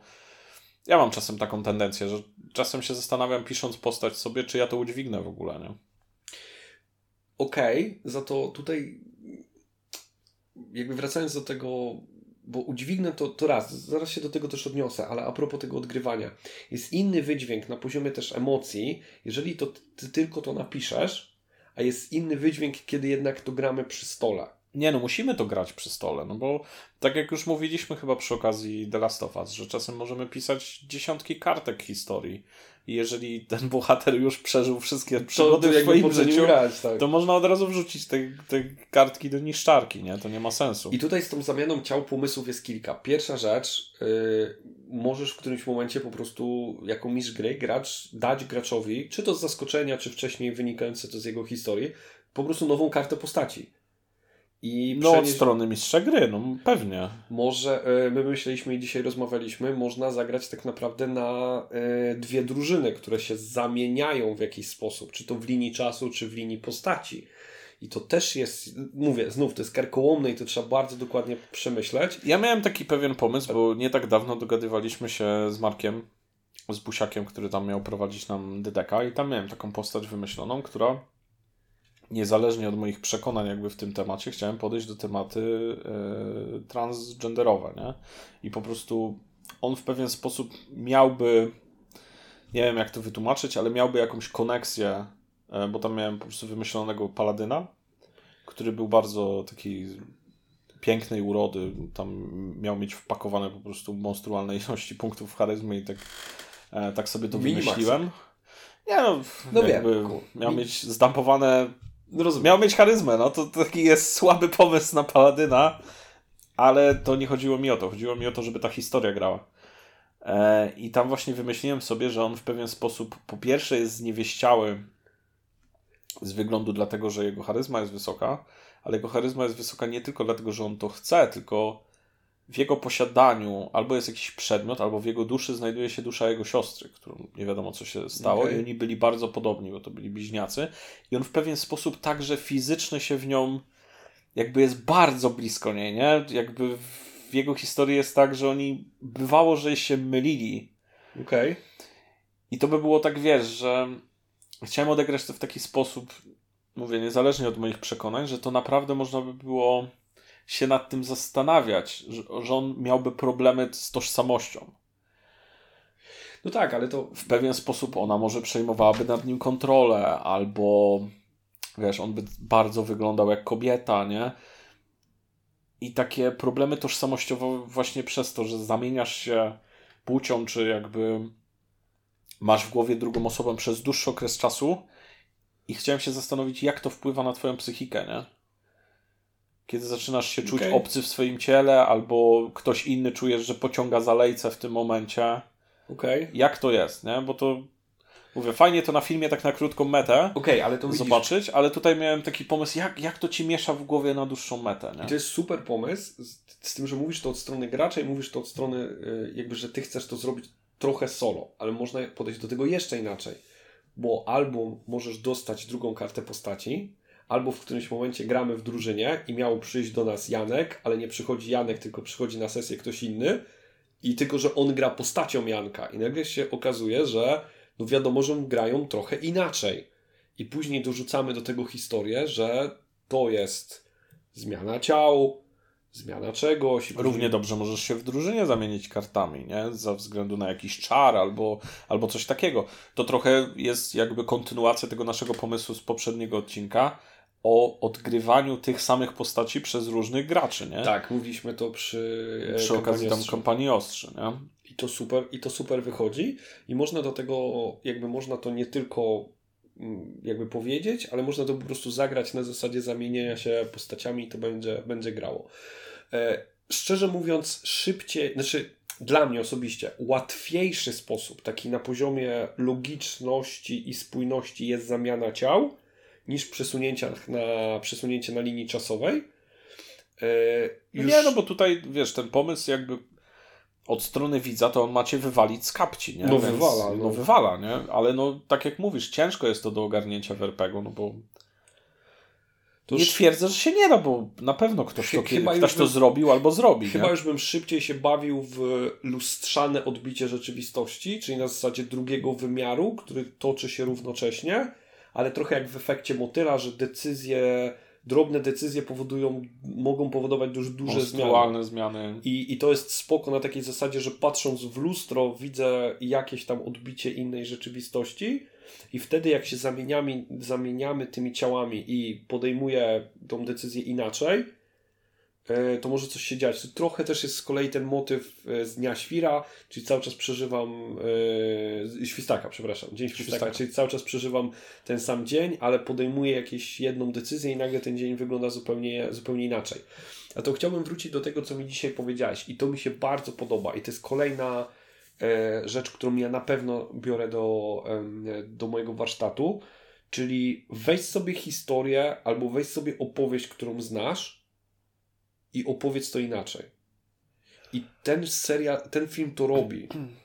No tak, bo y, ja to akurat wyciągnąłem y, przy okazji czytania książki U bratu i kotka, tam Be Blake'a Snydera. Pewnie będziemy Pewnie też będziemy o tym mówić, bo to jest książka dobra, o pisaniu scenariuszy, to jest książka dla scenarzystów. E, I tam jest taki pomysł, a właściwie taki, no taka po prostu taki temat, że większość historii już została opowiedziana, więc nie ma co się kopać z koniem opowiedzmy to jeszcze raz, tylko inaczej, nie? No tak, i tutaj. Zróbmy jakiś twist. No i faktycznie, no, zamiana ciał, no to jest jakiś tam pomysł, który już był, nie? Zamiana tych ciał co kilka tam, kilka cykli tych zamianek ciał, no to już jest ciekawy twist. I w momencie, kiedy mówisz, no całkiem to niezły, całkiem niezły, no to nagle dostajesz w rej tym pomysłem, że tak naprawdę zamieniasz się z nieboszczykiem, który nie żyje od trzech lat, nie? I po prostu fajnie by było wpłynąć na, na jej życie i ją w jakiś sposób uratować. Więc no, ten film ma jakiś pomysł na siebie, który już został wykorzystany tysiące razy, ale obraca to w taki niespotykany tak. sposób, że to ja, się nadal łyka. Nie? Ja na przykład w ten sposób piszę bardzo często scenariusze, czyli biorę sobie, oglądam film, który mi się podoba i wyciągam z niego główny pomysł. Najczęściej przerzucam go do zupełnie innego uniwersum, bo, bo to też nie chodzi o to, żeby gracze od razu mi po pierwszej scenie powiedzieli, a, bo to jest jak w tym filmie, nie? E, rzucam go do zupełnie innego uniwersum, zostawiam tak naprawdę tylko pewne ramy albo motyw przewodni, i w którymś momencie wywracam go właśnie do góry, do góry nogami. Tak, tak, tak. No bo to jest fajne, żeby, żeby ten pomysł, nawet jak gracze złapią już mniej więcej w jaką stronę idzie historia, to wtedy ich po prostu. To ich odwrócić, nie? Odwrócić, zrobić ich twist i tak dalej. Żeby to poszło w innym kierunku. No. Więc to też, to też jest taki, jakby weźcie to sobie, jeżeli, jeżeli tylko chcecie. Jeżeli chodzi o warsztat pisania mistrza gry, po prostu biorę sobie film, który mi się podoba, za to zastanawiam się, jaka jest główna konstrukcja jego, spisuję sobie pewne elementy, robię sobie to, a później zastanawiam się, dobra, to gdzie to odwrócić, co w tym, co w tym zmienić. I, I to wtedy zaczyna, zaczyna, mieć, zaczyna mieć sens. Zresztą to jest tak samo jak, e, jak z tworzeniem bohatera, nie? Jakby, bo mogę sobie stworzyć kolejnego elfa, który będzie wyniosły, ale on musi mieć jakiegoś twist, nie? Jakby musi mieć coś inaczej i odróżniać się od wszystkich innych, e, wszystkich innych elfów. Jeżeli sobie robię wampira, to jakby czym on się różni od każdego, każdego innego. Jeżeli robię jakby do, dowolny system, który będę brał, jakby opowiem tą historię, jasne, nie, myślę sobie teraz o ostatniej gdzieś tam dłuższej kampanii, kampanii, którą grałem w Cyberpunku, e, gdzie zrobiłem sobie Berserkera w Cyberpunku. Jakby z założenia, jakby wziąłem sobie pomysł Berserkera z fantazy, przełożyłem go na Cyberpunka i jakby odwróciłem go no jeszcze gdzieś tam taką personalną historią obrońcy trochę, ale też, też straty osoby, osoby bliskiej i pomysł nie jest totalnie nowy, ale ponieważ jakby jest opowiedziany inaczej, to jakby się okazuje, że tak, że, że fajnie, nie? Że, że to jest jakaś taka kombinacja, której, której jeszcze, jeszcze nie widzieliśmy. Spoko. E, kolejna rzecz. Masz coś do tego jeszcze? Bo, bo ja już chciałem przeskoczyć dalej, ale może, może jeszcze mm, masz jakąś Nie, do tego, do tego nie mam. mam. Mam inny pomysł, który mi wynika z tego, e, z tego filmu. Mówiliśmy, że tam się pojawia kilka takich scen, które są takie komiksowe na zasadzie, że one, że to jest jakiś tam szybki taki montaż po prostu przy klejeniu filmu. Kilka scen następujących po sobie, w rytmie jeszcze muzyki, które ma tam opowiadać na przykład jakieś dni, następne bohaterów, może tygodnie, jak oni tam coś robią. Takie przewinięcie czasu. Tak, tak, trochę okay. tak, ale w ramach takiego montażu, że widz wciąż to widzi, jakieś takie urywki z ich życia, wiesz, czasem urywki z ich jednoczesnego tam życia w tym filmie. I to jest dla mnie pomysł, który ja przeczytałem nie tak dawno w, w Mieście Mgły, nie? Jest to je, zresztą jeden chyba z, od ostatniego czasu z najlepiej opisanych dla mnie, napisanych podręczników, ale tam właśnie ten pomysł się wywodzi e, przy okazji odzyskiwania, bo to jest na PBTA, czyli na e, Power by the Apocalypse. I tam jest ten pomysł, e, na PBTA jest e, zawsze taka mechanika że ten świat cię gnoi w, pewnym, w pewnym sensie. Że tam Zabiera ci zasoby. No, zabiera ci zasoby, nie?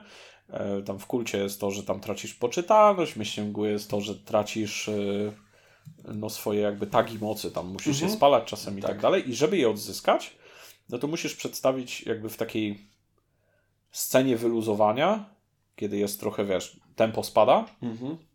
przedstawiasz mistrzowi, że chciałbyś no, odzyskać tak mocy i, i robisz ten montaż taki, nie? Właśnie takie sceny, co ty robisz, żeby ten tak moc odzyskać. Na przykład, że tam, nie wiem, e, broń służbowa mi się tam popsuła, nie? To mogę zrobić tam tak, tak, że wiesz, że jest jakaś wycinka, że jadę do sklepu z bronią, tam kupuję jakieś oleje, później jest jakiś, okay. wiesz, rzut kamery na to, jak w deszczu wchodzę do swojego mieszkania, wiesz, przez... Y, przez okno wpada światło na, na osobę, która czyści tą broń i są, wiesz, błyskawice i ona co, co jakiś czas się rozświetla, co jakiś czas gaśnie. I takie montażowe sceny z takiego filmu noir wklejasz taki właśnie zmontowany kawałek. Okay żeby, żeby pokazać, jak na przykład ten tak chcesz odzyskać. Mogą to być jakieś relacje z rodziną, nie? którą ostatnio zaniedbałeś, czy cokolwiek tam sobie wymyślisz. I to jest po stronie gracza, żeby to zmontować w fajny, ciekawy sposób, żeby to się troszeczkę grało jak serial taki noirowy, nie? Ale to, wiesz, mistrz gry też może to zrobić, bo yy, to nie chodzi Oczywiście, o to, że mistrz nie chodzi o to, żeby zrobić. zrobić całą scenę ogromną od momentu, kiedy ja wpadam na pomysł, że pojadę do rodziny i teraz będę opowiadał i robimy trzygodzinną scenę, jak ja jadę do innego stanu, później odgrywam, tylko można to po prostu Nie, ciąć, bo szczerze mówiąc, słuchajcie, jeżeli nie do końca krótki... ma się pomysł na, ten, mhm. na, te, na te sceny, to czasem można coś więcej spierdolić tymi dialogami odgrywanymi ten, niż przekazać tym montażem scen po prostu tak naprawdę o czym te sceny są, a niekoniecznie odgrywać każdą jedną rozmowę tak, takie, e, i tak dalej. Takie krótkie, takie krótkie jakby cięcia. cięcia nie? Tak, jakby tak, no montaż. Tak, dosłownie, dosłownie po prostu wymiana dwóch zdań, później przeskoczenie do następnej lokacji, opis następnej lokacji, przeskoczenie znowu, znowu czasowo. Tam jest po prostu to mechanika dla gracza, która tak. została zostawiona tak. w tym systemie, żeby on sobie odzyskiwał. I to jest to miejsce dla niego, żeby on zabrał trochę lejce, pobawił się opisem, pobawił się kadrami, e, pobawił się swoją postacią, może nie tylko swoją, może NPC-ami, może jakimś tam tak. wyskoczeniem do klubu.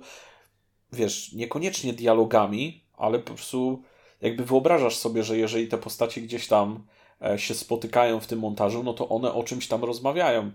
Wszyscy mniej więcej wiedzą, jaki jest domysł tej sceny, czy, czy coś takiego, ale niekoniecznie te dialogi muszą być odegrane. Ma być to taki montaż, taki filmowy, wiesz. I on zas z zasady, jakby z, tej, z tego filmu też tak wynika, że on nie, nie musi być długi, nie?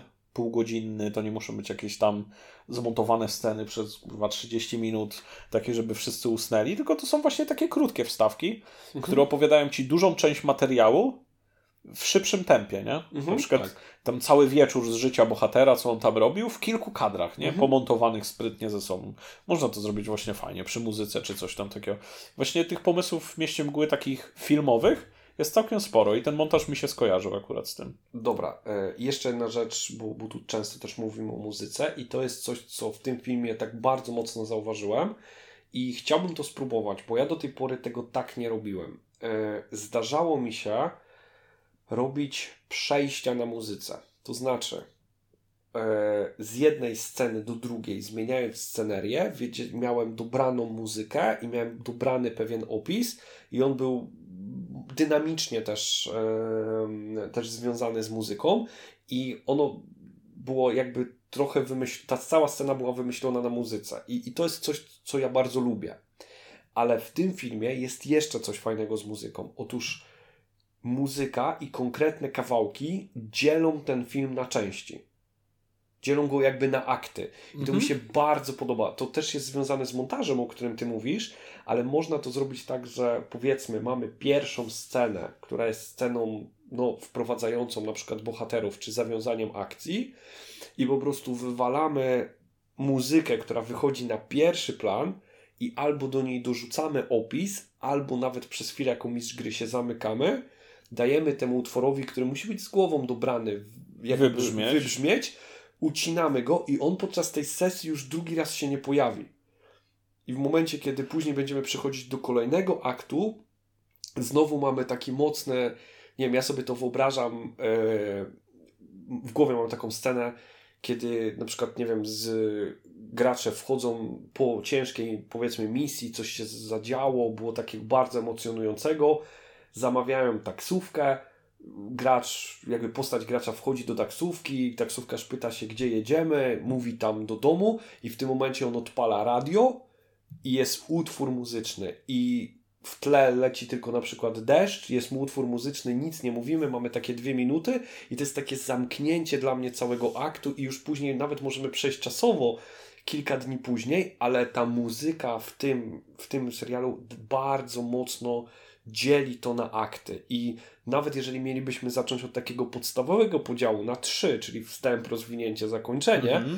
no to już mamy dwa momenty, w którym jeżeli dobrze dobierzemy muzykę i zrobimy po prostu przejście typowo na muzyce, czyli dojeżdżamy opisem, puszczamy muzykę, chwilę się zamykamy, to uważam, że z punktu widzenia konstrukcji może to bardzo fajnie usiąść. Mnie się ten pomysł super podoba. Ja bym powiedział nawet więcej, że dla mnie ten pomysł niekoniecznie musi być zakorzeniony e, jakby w świecie gry. To dla mnie nie musi ta muzyka wynikać, wiesz, z puszczenia radia czy coś takiego. Może być to po prostu tło, takie trochę, wiesz, że dajesz jakiś opis, on wybrzmiewa i po prostu puszczasz muzykę. Okej. Okay. Niekoniecznie zaznaczasz, że ona jest w świecie gry. Ona po prostu okay. ma grać do tej sceny. No tak. Co więcej, ja uważam, że ten pomysł i będę chciał to kiedyś zrobić. Mo tylko trzeba się skontaktować z mistrzem gry. Ja, ja myślę, że ten pomysł świetnie by wybrzmiał, bo on by po prostu rozwalił ludziom mózg, jakby wyszedł od gracza.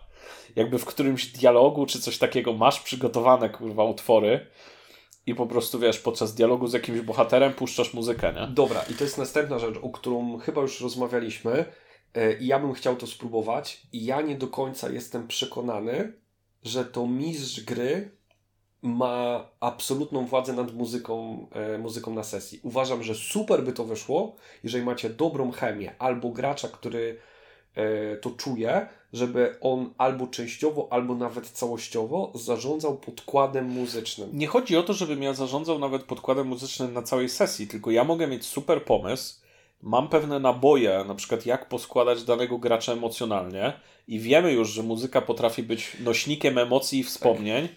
Mam utwory do tego, tak. walę jakiś dialog albo monolog w deszczu, nie wiem, cokolwiek, ciach bajera, puszczam muzykę, nie?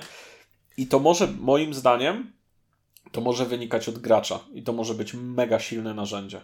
Chciałbym to zobaczyć, ja myślę, że postaram się to kiedyś ugrać. Ja, dobra, okay. Żeby złamać ten taki, wiesz, stereotyp, że, że po prostu tylko mistrz gry zarządza takimi okay, rzeczami. To, to ja czekam. Ja na pewno od strony mistrza gry będę chciał e, spróbować podzielić. Na początku pewnie w ramach nauki na trzy. E, podzielić jakby całość opowieści na, na akty i chciałbym te przejść, e, jakby dzielić to bardzo wyraźnie za pomocą konkretnie utworów muzycznych. No dobra, jeszcze coś się pojawiło, coś co się dość często pojawia i coś co uważam, że jest bardzo fajnym narzędziem i w RPG-u też można to zrobić, ale trzeba być tego świadomym i trzeba to robić trochę w ciemno.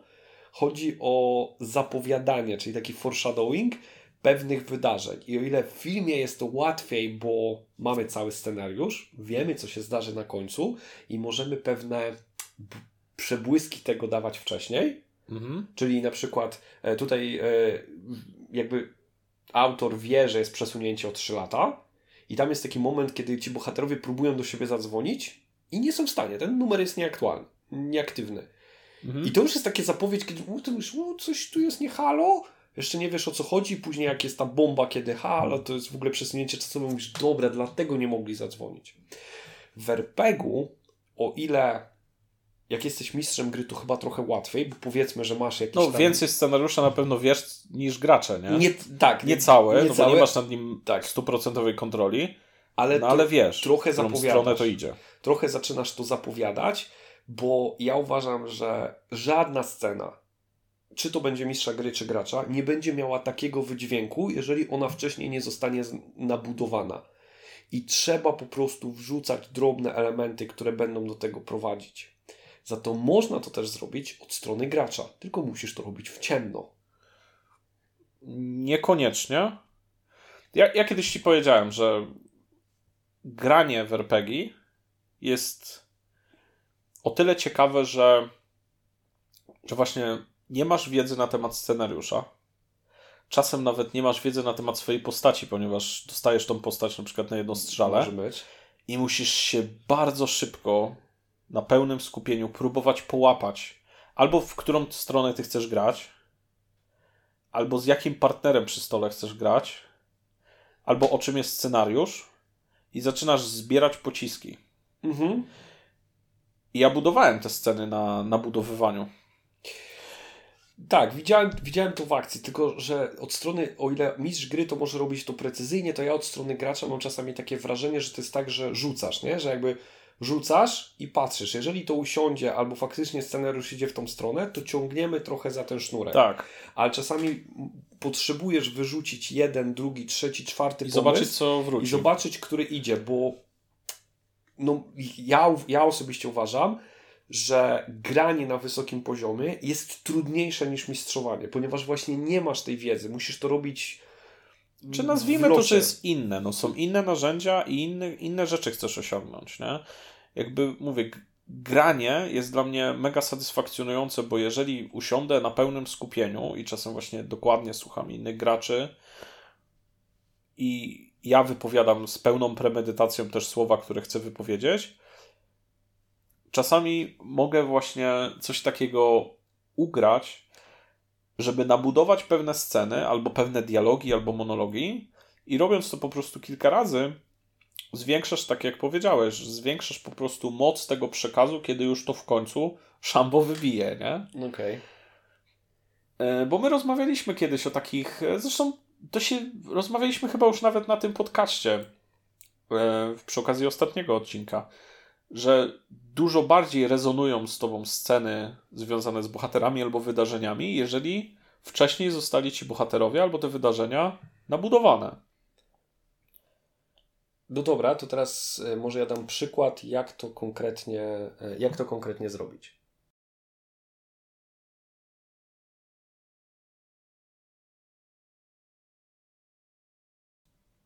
Żeby to nie było tak klasycznie, że mistrz gry ma wymyśloną opowieść i na siłę jakby powiedzmy dąży do tego, to przykład z naszej e, aktualnej, ale kiedy ten podcast będzie wychodził, to pewnie przeszłej kampanii, e, czyli Dungeon Worlda, czyli jak zrobić foreshadowing na pomysłach graczy. Mamy jednego z graczy, który ma postać czarodzieja, e, który w jakiś sposób, nie chcę powiedzieć, że on został wyrzucony z domu, ale y, no, zostało mu zasugerowane, że powinien nabrać męskości, decyzyjności, w ogóle się ogarnąć i ruszyć na północ do swojego, do swojego wuja. I to jest historia, którą jakby ogólnie w takim bardzo szybkim skrócie wymyślił gracz. Super, idziemy w to. No i później w czasie opowieści on przy jednej ze scen mówi o tym, że no w domu to tam nie do końca go rozumieją, że tam właśnie go cisną, e, że, że tak trochę jest w jakiś sposób pomiatany, nie jest traktowany z szacunkiem. I dla mnie, mnie się, pamiętam, wtedy zapaliła lampka, ja sobie gdzieś tam to, to zapisałem. No idziemy, idziemy krok dalej, później składa się, że on musi do wuja ruszyć, bo ten jego wuj to taki na północy, taki potężny, on prowadzi armię. No i jakby y, to jest kolejna gdzieś, gdzieś rzecz, rzucona. No i e, pamiętam, że ty przychodzisz do mnie z pomysłem i, i mówisz, dobra, w, czy moglibyśmy jeszcze to wpleść jakby z twoją, twoją historią i skoro to jest tak, że oni go wysłali na daleką północ do wuja, a w domu go nie lubią, to może to jest, to nie jest jego wuj, tylko jest jego ojciec. A w domu go nie lubią, bo, no bo wychowują jest, de facto nie swoje dziecko. Nie swoje dziecko. I tu jest sytuacja inna, ponieważ tu jest tak, że to gracz robiąc pewne sceny sam zrobił sobie foreshadowing do tego, żeby wyrzucić mu to w ostatniej scenie, postawić go przed tą sytuacją. Jeszcze nie wiem, jak to wyjdzie, bo to się jeszcze nie skończyło, ale powiedzieliśmy, ok, idźmy w to i cały czas jakby zaczynamy trochę dorzucać kolejne już teraz świadomie elementy, bo wzięliśmy to, co jest z od strony gracza, on zrobił dwie sceny i my powoli sobie będziemy to, to nabudowywać. Nie wiem jeszcze, jak to ostatecznie się skończy. Za to można to zrobić w ten sposób, czyli biorąc sobie drobne elementy, czasami dialogów przy ognisku wydawałoby się o niczym, po to one są i po to mają być. Zapisujemy sobie, jak ty to mówisz tak zawsze ładnie zgrabnie, zbieramy sobie naboje. Tak, zbieramy amunicję. Zbieramy amunicję, zapisujemy te wszystkie pomysły i w którymś momencie, jak już ten pomysł się pojawia, no to zaczynamy ciągnąć. Dopóki tego pomysłu nie wyjawimy, nie wyjawimy w pełni, to możemy się z niego wycofać, to też jest ok. Ale jeśli okaże się, że gracz świadomie sam z nami robi wink-wink i idzie w tą stronę, albo wręcz nieświadomie jakby buduje kolejne elementy, no to jest tak naprawdę nabudowanie tej ostatniej sceny. I ona nigdy nie miałaby takiego wydźwięku, gdyby nie to, że wcześniej zostało to powiedziane, wspomniane, zasugerowane i to dzieje się już przez tych tam sesji, nie wiem, 7, 10 w tych granicach i już są takie powoli, powoli gdzieś tam e, elementy, gdzie no tak jakieś spojrzenia, nazywanie niektórych synem, a niektórych po imieniu. No, zaczyna powoli, powoli to, to wychodzić i myślę, że to w którymś momencie się e, zrobi. Za to jest pewna pułapka tutaj.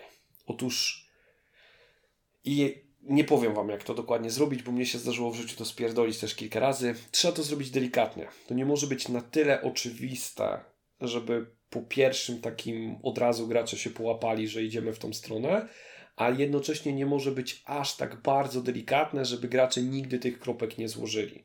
Gdzie jest ta granica? Nie mam pojęcia. To musicie sobie sami trochę złapać, trochę ze stołem.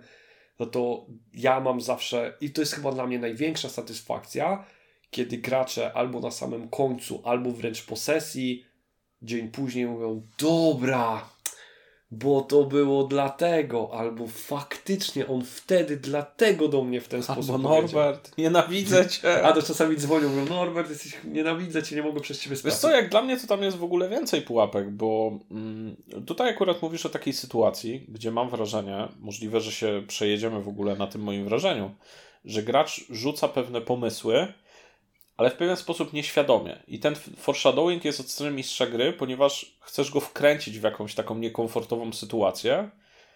Właściwie trochę ja go chciałem wkręcić, trochę pogadaliśmy będzie, będzie i pogadaliśmy i razem go trochę w to wkręcimy, bo on robi to trochę nieświadomie. Rzuca jakieś pomysły i mam wrażenie, że on nie zbuduje akurat z tych pomysłów tej opowieści i tu się może zaskoczyć. Ale czasami jest tak, że gracz rzuca pewne klocki, żeby nabudować pewne sceny i można też się potknąć na tym, że mu też łapiesz te klocki i na przykład nabudujesz Popsujesz. mu inną scenę, popsujesz mu scenę, przyspieszysz, spowolnisz. Wszystko wynika z tej chemii przy stole, nie? Dla mnie RPG są przede wszystkim taką zabawą w słuchanie innych przy stole. Tak. Na takim skupieniu. Bo to dostarcza tobie amunicji do tego, żeby sobie postrzelać do innych graczy, to dostarcza o tym trochę, w co oni chcą grać w ogóle w tym przypadku, jakby. I też możesz się połapać, czy oni mają już jakiś pomysł na to, czy nie. Czasami, jak już masz jakiś pomysł albo chcesz go skonfrontować, to można po prostu iść do, do takiego gracza po sesji i, i spytać się. Oczywiście niespodzianki są lepsze, no ale jeżeli trafisz, nie?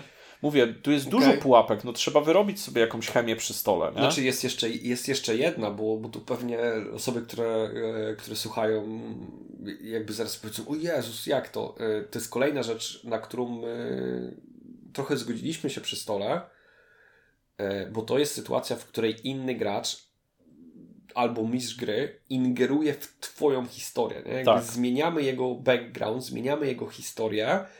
Żeby zrobić mu niespodziankę. No. Właśnie, bo to. Miejmy nadzieję miłą, tak? No właśnie, i to jest, i to jest, to jest istotne, bo mm, nie robimy tego dlatego, żeby pokazać swoje umiejętności ego, nie, albo nie Boże. dlatego, że wierzymy, że nasza historia jest lepsza od, e, od jego, bo, bo jeżeli macie taką motywację i to trzeba naprawdę zajrzeć w głąb siebie, to e, to, to, trzeba to stłamsić to, po prostu. To trzeba to stłamsić. My to robimy dlatego, że chcemy zrobić fajną scenę, i chcemy jego trochę też zaskoczyć. I... Tak, w taki pozytywny sposób. Po prostu masz jakiś pomysł, żeby kogoś zabawić w ten sposób, przedstawiając mu ciekawą historię, może związaną z jego postacią, może z jakąś ten, ale wspólnie opowiadamy przy stole, przy ognisku historię. Po prostu tak, sobie ale to jest duża ingerencja w jego tak. i, i zdaję sobie sprawę, że nie przy każdym stole to może być ok. I jeżeli się wcześniej nie umówicie na to, że ja jako mistrz gry tam ci coś pozmieniam, nie? albo wywalę i, i dla ciebie to jest gracz może powiedzieć ok, albo może powiedzieć e, nie, wiesz co, ja bym chciał jednak, bo ja mam pewną wizję tej, tej historii i, i wtedy należy to, to uszanować. No my przy stole umówiliśmy się na to, że jeżeli ktoś ma pomysł, to po prostu w, tak gramy w Dungeon World. A jeżeli ktoś ma pomysł, to wywala go, wchodzi z buta, a my po prostu do tego później doszy, doszywamy. I to jest trochę inge, jakby konsekwencja tego. Na to w innych systemach nie zawsze tak gramy. I to też jest jasne, że to musicie mieć pewną zgodę graczy, na to, że aż tak bardzo będziecie ingerować. I tak samo jest pewnie, musi być zgoda mistrza gry, że gracze zrobią... mogą sobie takie klocki dorzucać, no bo niektórzy sobie nie życzą też od strony mistrza gry. Znaczy, nie zrozumcie mnie źle, dla mnie to jest mega najeżona pułapkami droga, tak. ale z drugiej strony dla nas to chyba jest kwintesencja tego. Chcemy to sprawdzić, nie? Chcemy zobaczyć, jak, jak, to, jak to wyjdzie. Bo, bo, bo jeżeli. No zobaczymy, to jakby to, to, powiemy, to powiemy później. Dobra, to odnośnie tego, bo chciałem dać ten przykład nie taki klasyczny, czyli mistrz gry wie, co będzie w ostatniej scenie i on sobie robi, tylko pokazać, że można to po prostu wyciągać z tego, co, co jest przy stole, albo można sobie po prostu łapać i, i z tego tą ostatnią scenę nabudować, bo ja nie miałem tego na początku kampanii. W ogóle... No nie, nie, nabudowaliśmy to, to gdzieś... znaczy on to buduje cały czas, ale w sensie złapaliśmy ten pomysł w trakcie, nie? I ja, ja, ja, mam też taki przykład, kiedy ja miałem wymyśloną całkiem nieźle postać i ty mi tam przyspieszyłeś pewne tak. wątki, nie? Więc to nie zawsze wychodzi, słuchajcie. No to jest czasem tak, że, no, że ktoś może mieć pretensje, że ktoś tam przyspieszył ci, czy, czy spowolnił niektóre wątki, czy one miały inny wydźwięk. Za to ja zawsze sobie powtarzam taką jedną rzecz, którą sobie wymyśliłem i się tego trzymam, bo mi jest łatwiej po prostu zasnąć w nocy że co by się nie działo, jak nie kochamy tych postaci czy tych historii, słuchajcie, pamiętajcie, że możecie po prostu wydziwiać z tymi historiami, bo, bo ten bohater nie istnieje, nie? Tak. I on nie będzie istniał za tydzień, więc zróbmy coś szalonego, zróbmy fajną opowieść. Bo tak. to są fikcyjni bohaterowie, nie? nie ma się czym przejmować. To nie jest konkurs o złote kalesony.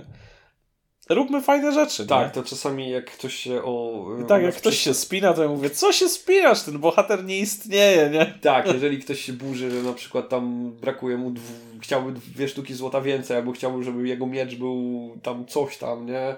I, i jakby tak, przywiąza... tylko kopania i przywiązany jest do jakichś takich rzeczy właśnie związanych ze zmianą tej postaci, albo z tym, że, żeby jej się nie stała krzywda, albo z posiadaniem... Albo gra tak zachowawczą. Z posiadaniem... Grajmy na grubo, te postacie tak. jak zginą, to zginą. Tak One i tak nie istnieją. Tak nie? nie istnieją. Dokładnie. Ale e, a propos tego, e, tego mm, jakby zapowiedzi pewnych rzeczy, ja miałem jeszcze jeden pomysł w tej kampanii odnośnie inne, innej, innej graczki, bohatera takiego, który ma pewne tendencje do gniewu, bym tak powiedział.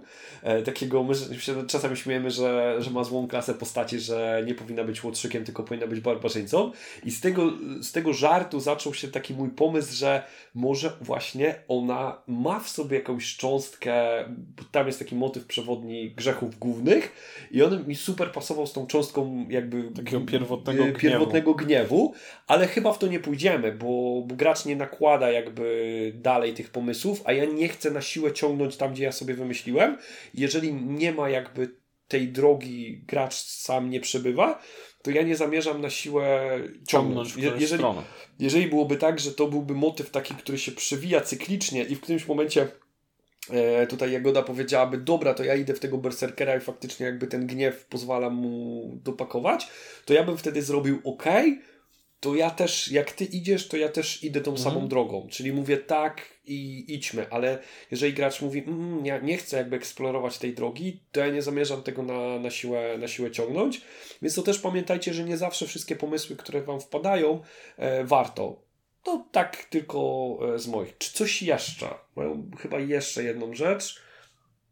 No, zdążymy. Znaczy, nigdzie nam się nie spieszy. Nikt nie... nie, no to strzelaj. Wiesz co, ja bym chciał e, jeszcze na propos tego serialu powiedzieć, e, znaczy serialu, tego filmu powiedzieć o jednej rzeczy, która jest zbieżna chyba z moim stylem i która ratuje mnie też czasami. Chodzi o pewne niedopowiedzenia.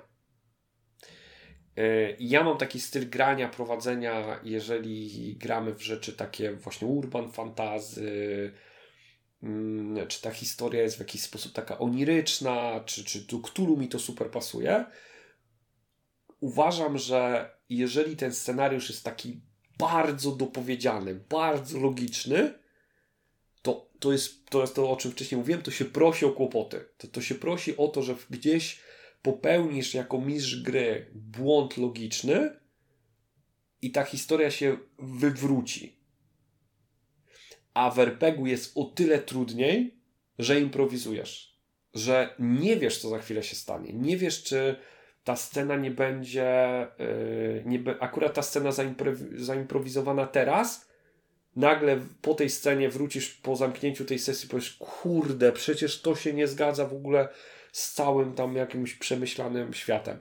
Dlatego bardzo często wolę, żeby to było nawet w scenach pojedynczych albo w całej historii takie niedopowiedziane, yy, niezamknięte jednoznacznie, ten potwór nieopisany w takich bardzo dużych szczegółach, czasami yy, nazwa gdzieś tam umyka, albo ona jest zagłuszona przez jakiś dźwięk w radiu. I te rzeczy, które ja przez całą kampanię robię, że one tak umykają i nie są takie wprost powiedziane, zapisane na papierze, wiesz, takie, że można je w Excelu później udowodnić, powoduje, że na końcu e, tak jak trochę jest w tym serialu, że czasami czujesz, że coś tu się logicznie nie spina, ale nie masz takiej jednej rzeczy, która to wywraca do góry, e, do góry kołami. Mhm, to rozumiem. I, i, to jest, I to też jest taka, taka, może nie chcę powiedzieć rada, ale bo z kolei jeśli trzymasz się tej logiki, to wtedy ja mam takie poczucie bardziej trzymania y, zalejce scenariusza. Że, że żeby on się nie wywrócił, to chcę jakby układać to logicznie. A jeżeli to jest takie rzucane trochę weter. I teraz y, ja się złapałem... Myślę, że to już wynika ze stylu jakiegoś, nie? No bo gdzieś tam się pojawiają ludzie, którzy pewnie doskonale robią logikę i wiarygodność ich świata i pewnie potrafią się nie wywrócić przez dłuższy czas. I jeżeli chcą tak grać i chcą tak prowadzić, to też to jest super sposób, nie? Wydaje mi się, że to już jest takie potato potato, nie? Co kogo kręci i jak się dobrze Wiesz czuje prowadząc albo grając. Pewnie nie? tak, ale jakby konkretnie znowu, bo, bo jakby wiem, że pewnie czasami mówimy ogólnie i dygresyjnie, ale chcę Wam dać konkretny przykład. Yy, mam taką wymyśloną sesję do, do kultu, gdzie jest pewien nie chcę powiedzieć potwór, no ale jakiś byt, którego staram się nie opisać dokładnie. To znaczy, on się w którymś momencie pojawia trochę jako cień, trochę jako pewne wyobrażenie, widać pewne jego elementy, i dzięki temu, moim zdaniem, po pierwsze jest straszniejszy, a, a po mm. drugie jest kwestia tego, że gracze też nie są w stanie go sobie złożyć. I dlaczego tak robię? E, po pierwsze, bo, bo, nie znam dobrze mitologii kultu, no to, to, wiadomo, że trzeba trochę oszukiwać, ale robię to dlatego, że właśnie rzeczy, których nie widzimy wprost, są straszniejsze, bo boimy się tego, co jest nieznane, mhm. a po drugie, zdaję sobie sprawę, że czasami po drugiej stronie mogę trafić osobę, która doskonale zna całą, nie wiem, kosmologię. I jeżeli w tym opisie on jest taki bardzo dokładny, zero-jedynkowy, to ten gracz, nie jego postać, tylko gracz mówi, a dobra, to jest potwór XY, nie? W Dedeku tak często mam. Że, no, że wiesz, on, I to jest paradoksalnie, to jest gracz, który jest bardzo zbliżony e, no tobie, bo sam powiedziałeś, że akurat nie w Dedeku czy w Kulcie, ale no sam powiedziałeś, że czasem jak oglądasz film i znajdziesz dziurę logiczną w tym, tak. to już ci się nie podoba od tego czasu, więc to jest faktycznie takie narzędzie, tak, żeby nie, tego uniknąć żeby... tego pożaru zanim wybuchnie, Czyli po prostu nie, nie dawajmy się e, potknąć, że, że, że coś nam się nie tu nie złoży, czy ktoś znajdzie dziurę w całym i już od tego momentu będzie się mniej bawił. Nie? I zdarzyło mi, się, zdarzyło mi się po prowadzeniu tej sesji, kiedy gracz mnie spytał o konkretnie jakby rodzaj tego potwora, nie? On mówi, ale czy to jest to i to? I nie, nie daje odpowiedzi na to. W sensie mówię, stary, ten potwór jest taki, jak jak go widzieliście, nie? Jakby on jest, on jest takim bytem, jak został tam opisany. Wolę, żeby gracz sobie dorobił do tego teorię, bo, bo ja wiem na bazie czego on został zbudowany. On został tam pewnie trochę zmieniony, ale, ale na bazie tego. Ale staram się nie dawać jakby wprost odpowiedzi, bo uważam, że to, co zostało w tej historii i to, jak jest to przedstawione jakby od strony bohaterów, jest takie, jest cenniejsze. Nie? A nazwanie tego jest czasami, po pierwsze, może ograbić z pewnych rzeczy takich zagadkowych, a po drugie, jeżeli to nazwiesz, to gra, można sobie to później sprawdzić i okazuje się, że któryś element jest e, niezgodny. Ja na przykład uważam, że w Ktulu nie powinien, znaczy nie to, że nie powinien istnieć, ale bestiariusz jest niepotrzebny. Nie? Jakby... W horrorach generalnie, no ale to jest ta pewna różnica, to tak samo jak masz filmy, które mają otwarte zakończenia. Tak. Czasem nie, bo to jest technika otwartych zakończeń. Tak. To tak samo masz horrory, które straszą jumpscarami, a horrory, które straszą klimatem, nie? Ja kojarzę na przykład z takich starszych y, Blair Witch Project, nie? Które było nakręcone bardzo tak, wiesz, tak wtedy no dla mnie była to e, technika taka innowacyjna, bo on był tak trochę mhm. z ręki nakręcany czy coś, on był dosyć niskobudżetowy i tam pamiętam, że w całym filmie praktycznie no nie ma takiej sceny, która jakby pojedyncza scena jakby mrozi krew w żyłach, w sensie, że coś wyskakuje, czy, czy coś. I... Ale to jest film, który po zakończeniu trzyma mnie w napięciu przez następne kilka godzin. I nawet jak cię gracze spytają albo się zastanawiają, ty, ale to on zrobił to, czy on zrobił te, nie wiem, y, czy to ta wiedźma zrobiła te y, takie figurki na drzewach, czy to kultyści zrobili, nie musisz znać odpowiedź na to pytanie, bo jeżeli ty dasz jednoznaczną odpowiedź, to może się okazać, że ktoś powie, ale ty jak oni to zrobili, bo wtedy coś tam, coś tam. I coś się wysypie. Tak. I coś się wysypie. Właśnie zostawienie tego do kombinowania, czyli zarówno, ale to już trzeba zrobić podczas budowania scen i nie mówienie czasami pewnych rzeczy jednoznacznie wprost. Mimo, że o to proszą. Mimo, że o to proszą, albo nawet czasami ty wiesz, nie? Jakby pozwoli ci zaoszczędzić pewnych błędów. Albo jest druga technika, czyli jeden, jeden rabin mówi tak, a drugi rabin mówi nie. Czyli ludzie z wioski mówią, że to wiedźma, wiedźma mówi, że to ludzie, ktoś tam mówi coś innego. Jaka jest prawda? Mm, nie wiadomo. Nie wiadomo. E, więc to chciałbym, chciałbym też zostawić, bo tutaj mi się to super e, podobało z tym Bogiem, który jest niedopowiedziany, z tymi um, przeplataniem się czasu, który też jest takie niedopowiedziane, z tym właściwie o co chodzi z tym rytuałem, który te kapłanki e, tak, mówią. Tak, tak. I tych niedopowiedzeń jest na tyle dużo, że każdy może sobie dorobić własną teorię i to jest fajne. I to mi się po, podoba. To ja chyba mam tyle pomysłów. No dobra, to zamykamy kramik powoli. E, czy mamy jakiś pomysł na następny odcinek? Pomysł mamy i to już zapowiadaliśmy, że będzie Rockopera i to będzie y, odcinek piąty na pewno. I zresztą dzisiaj też powiedziałeś, że chciałbyś tam ruszyć y, Każdy jest Johnem, bo ten system trochę do tego... No wydaje mi się, że ten pomysł jest wręcz stworzony do tego, żeby ruszyć to w tym systemie. Może.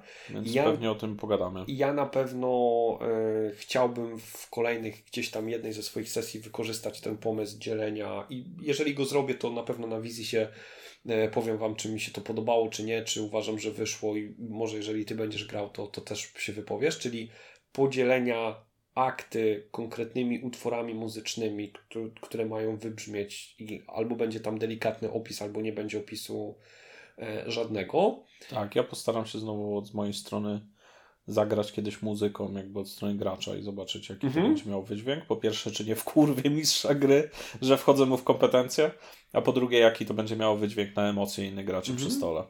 No i jest pewien pomysł, który też może zdradzimy. Pewnie on się nie pojawi. E... Zobaczymy, czy się pojawi w piątym odcinku, jak nie, to w następnych, ponieważ rozmawialiśmy na temat, że chcielibyśmy z każdego odcinka poprzedniego wybrać jedną konkretnie, e, konkretnie rzecz, taki jeden konkretnie, konkretnie pomysł. Tak, i na przykład stworzyć jakiś opis, albo dialog, albo monolog na, w następnym odcinku tak. na bazie tego pomysłu. Tak, i chcielibyśmy się podzielić... No zobacz, zobaczymy, tak. bo jakby powiedzieliśmy to chyba już przy okazji drugiego odcinka, tak między sobą, po drugim odcinku chyba, że coś takiego chcielibyśmy przygotować, ale chyba póki co jakby nie, nie do końca mieliśmy pomysły albo czas. No, no nie wiem, no my czasem się zgrywamy tak, że, że te odcinki nie są w miarę w równych odstępach czasu nawet kręcone, co aktualnie no, nie ma dla nas problemu i dla Was, ponieważ ten podcast nie istnieje jeszcze w sieci. E, ale nawet jeżeli zacznie, no to Wy tego nie odczujecie, ale później może to być problem, że jeden odcinek pojawia się za 4 tygodnie, drugi za dwa tak. Mamy różne zawody, różne prace, miliony spraw prywatnych i służbowych i czasem po prostu... I nowe planszówki. Przygnieceni, tak, nowe planszówki, nowe seriale. O Jezu, tyle do zrobienia. E, e, więc... Za to ten pomysł wziął się z tego, że to, co byśmy chcieli i tak jak rozmawiamy o tym podcaście, że nie chcemy, żeby to była tylko teoria i nie chcemy, żeby to były tylko zapowiedzi tego, co byśmy zrobili gdyby, tylko chcielibyśmy, żeby to było albo konkretne pomysły, które już wprowadzamy, albo nawet konkretne albo wprowadzimy pomysły, które i powiemy Wam, jak poszło. Tak, i pewnie część z nich też będzie słaba w takim sensie, że nie usiądzie. Na bank. I mamy z tym, mamy z tym luz, ale chcemy jakby mówić o danych pomysłach, szukać inspiracji, a później to po prostu konkretnie wykorzystać. E, wykorzystywać, robić tak i tak od strony mistrza gry i gracza. E, więc to jest co dalej, ale to pewnie w kolejnych odcinkach. To co, zamykamy na dzisiaj? Zamykamy. Do zobaczenia. Hej, no, hej. Trzymajcie się.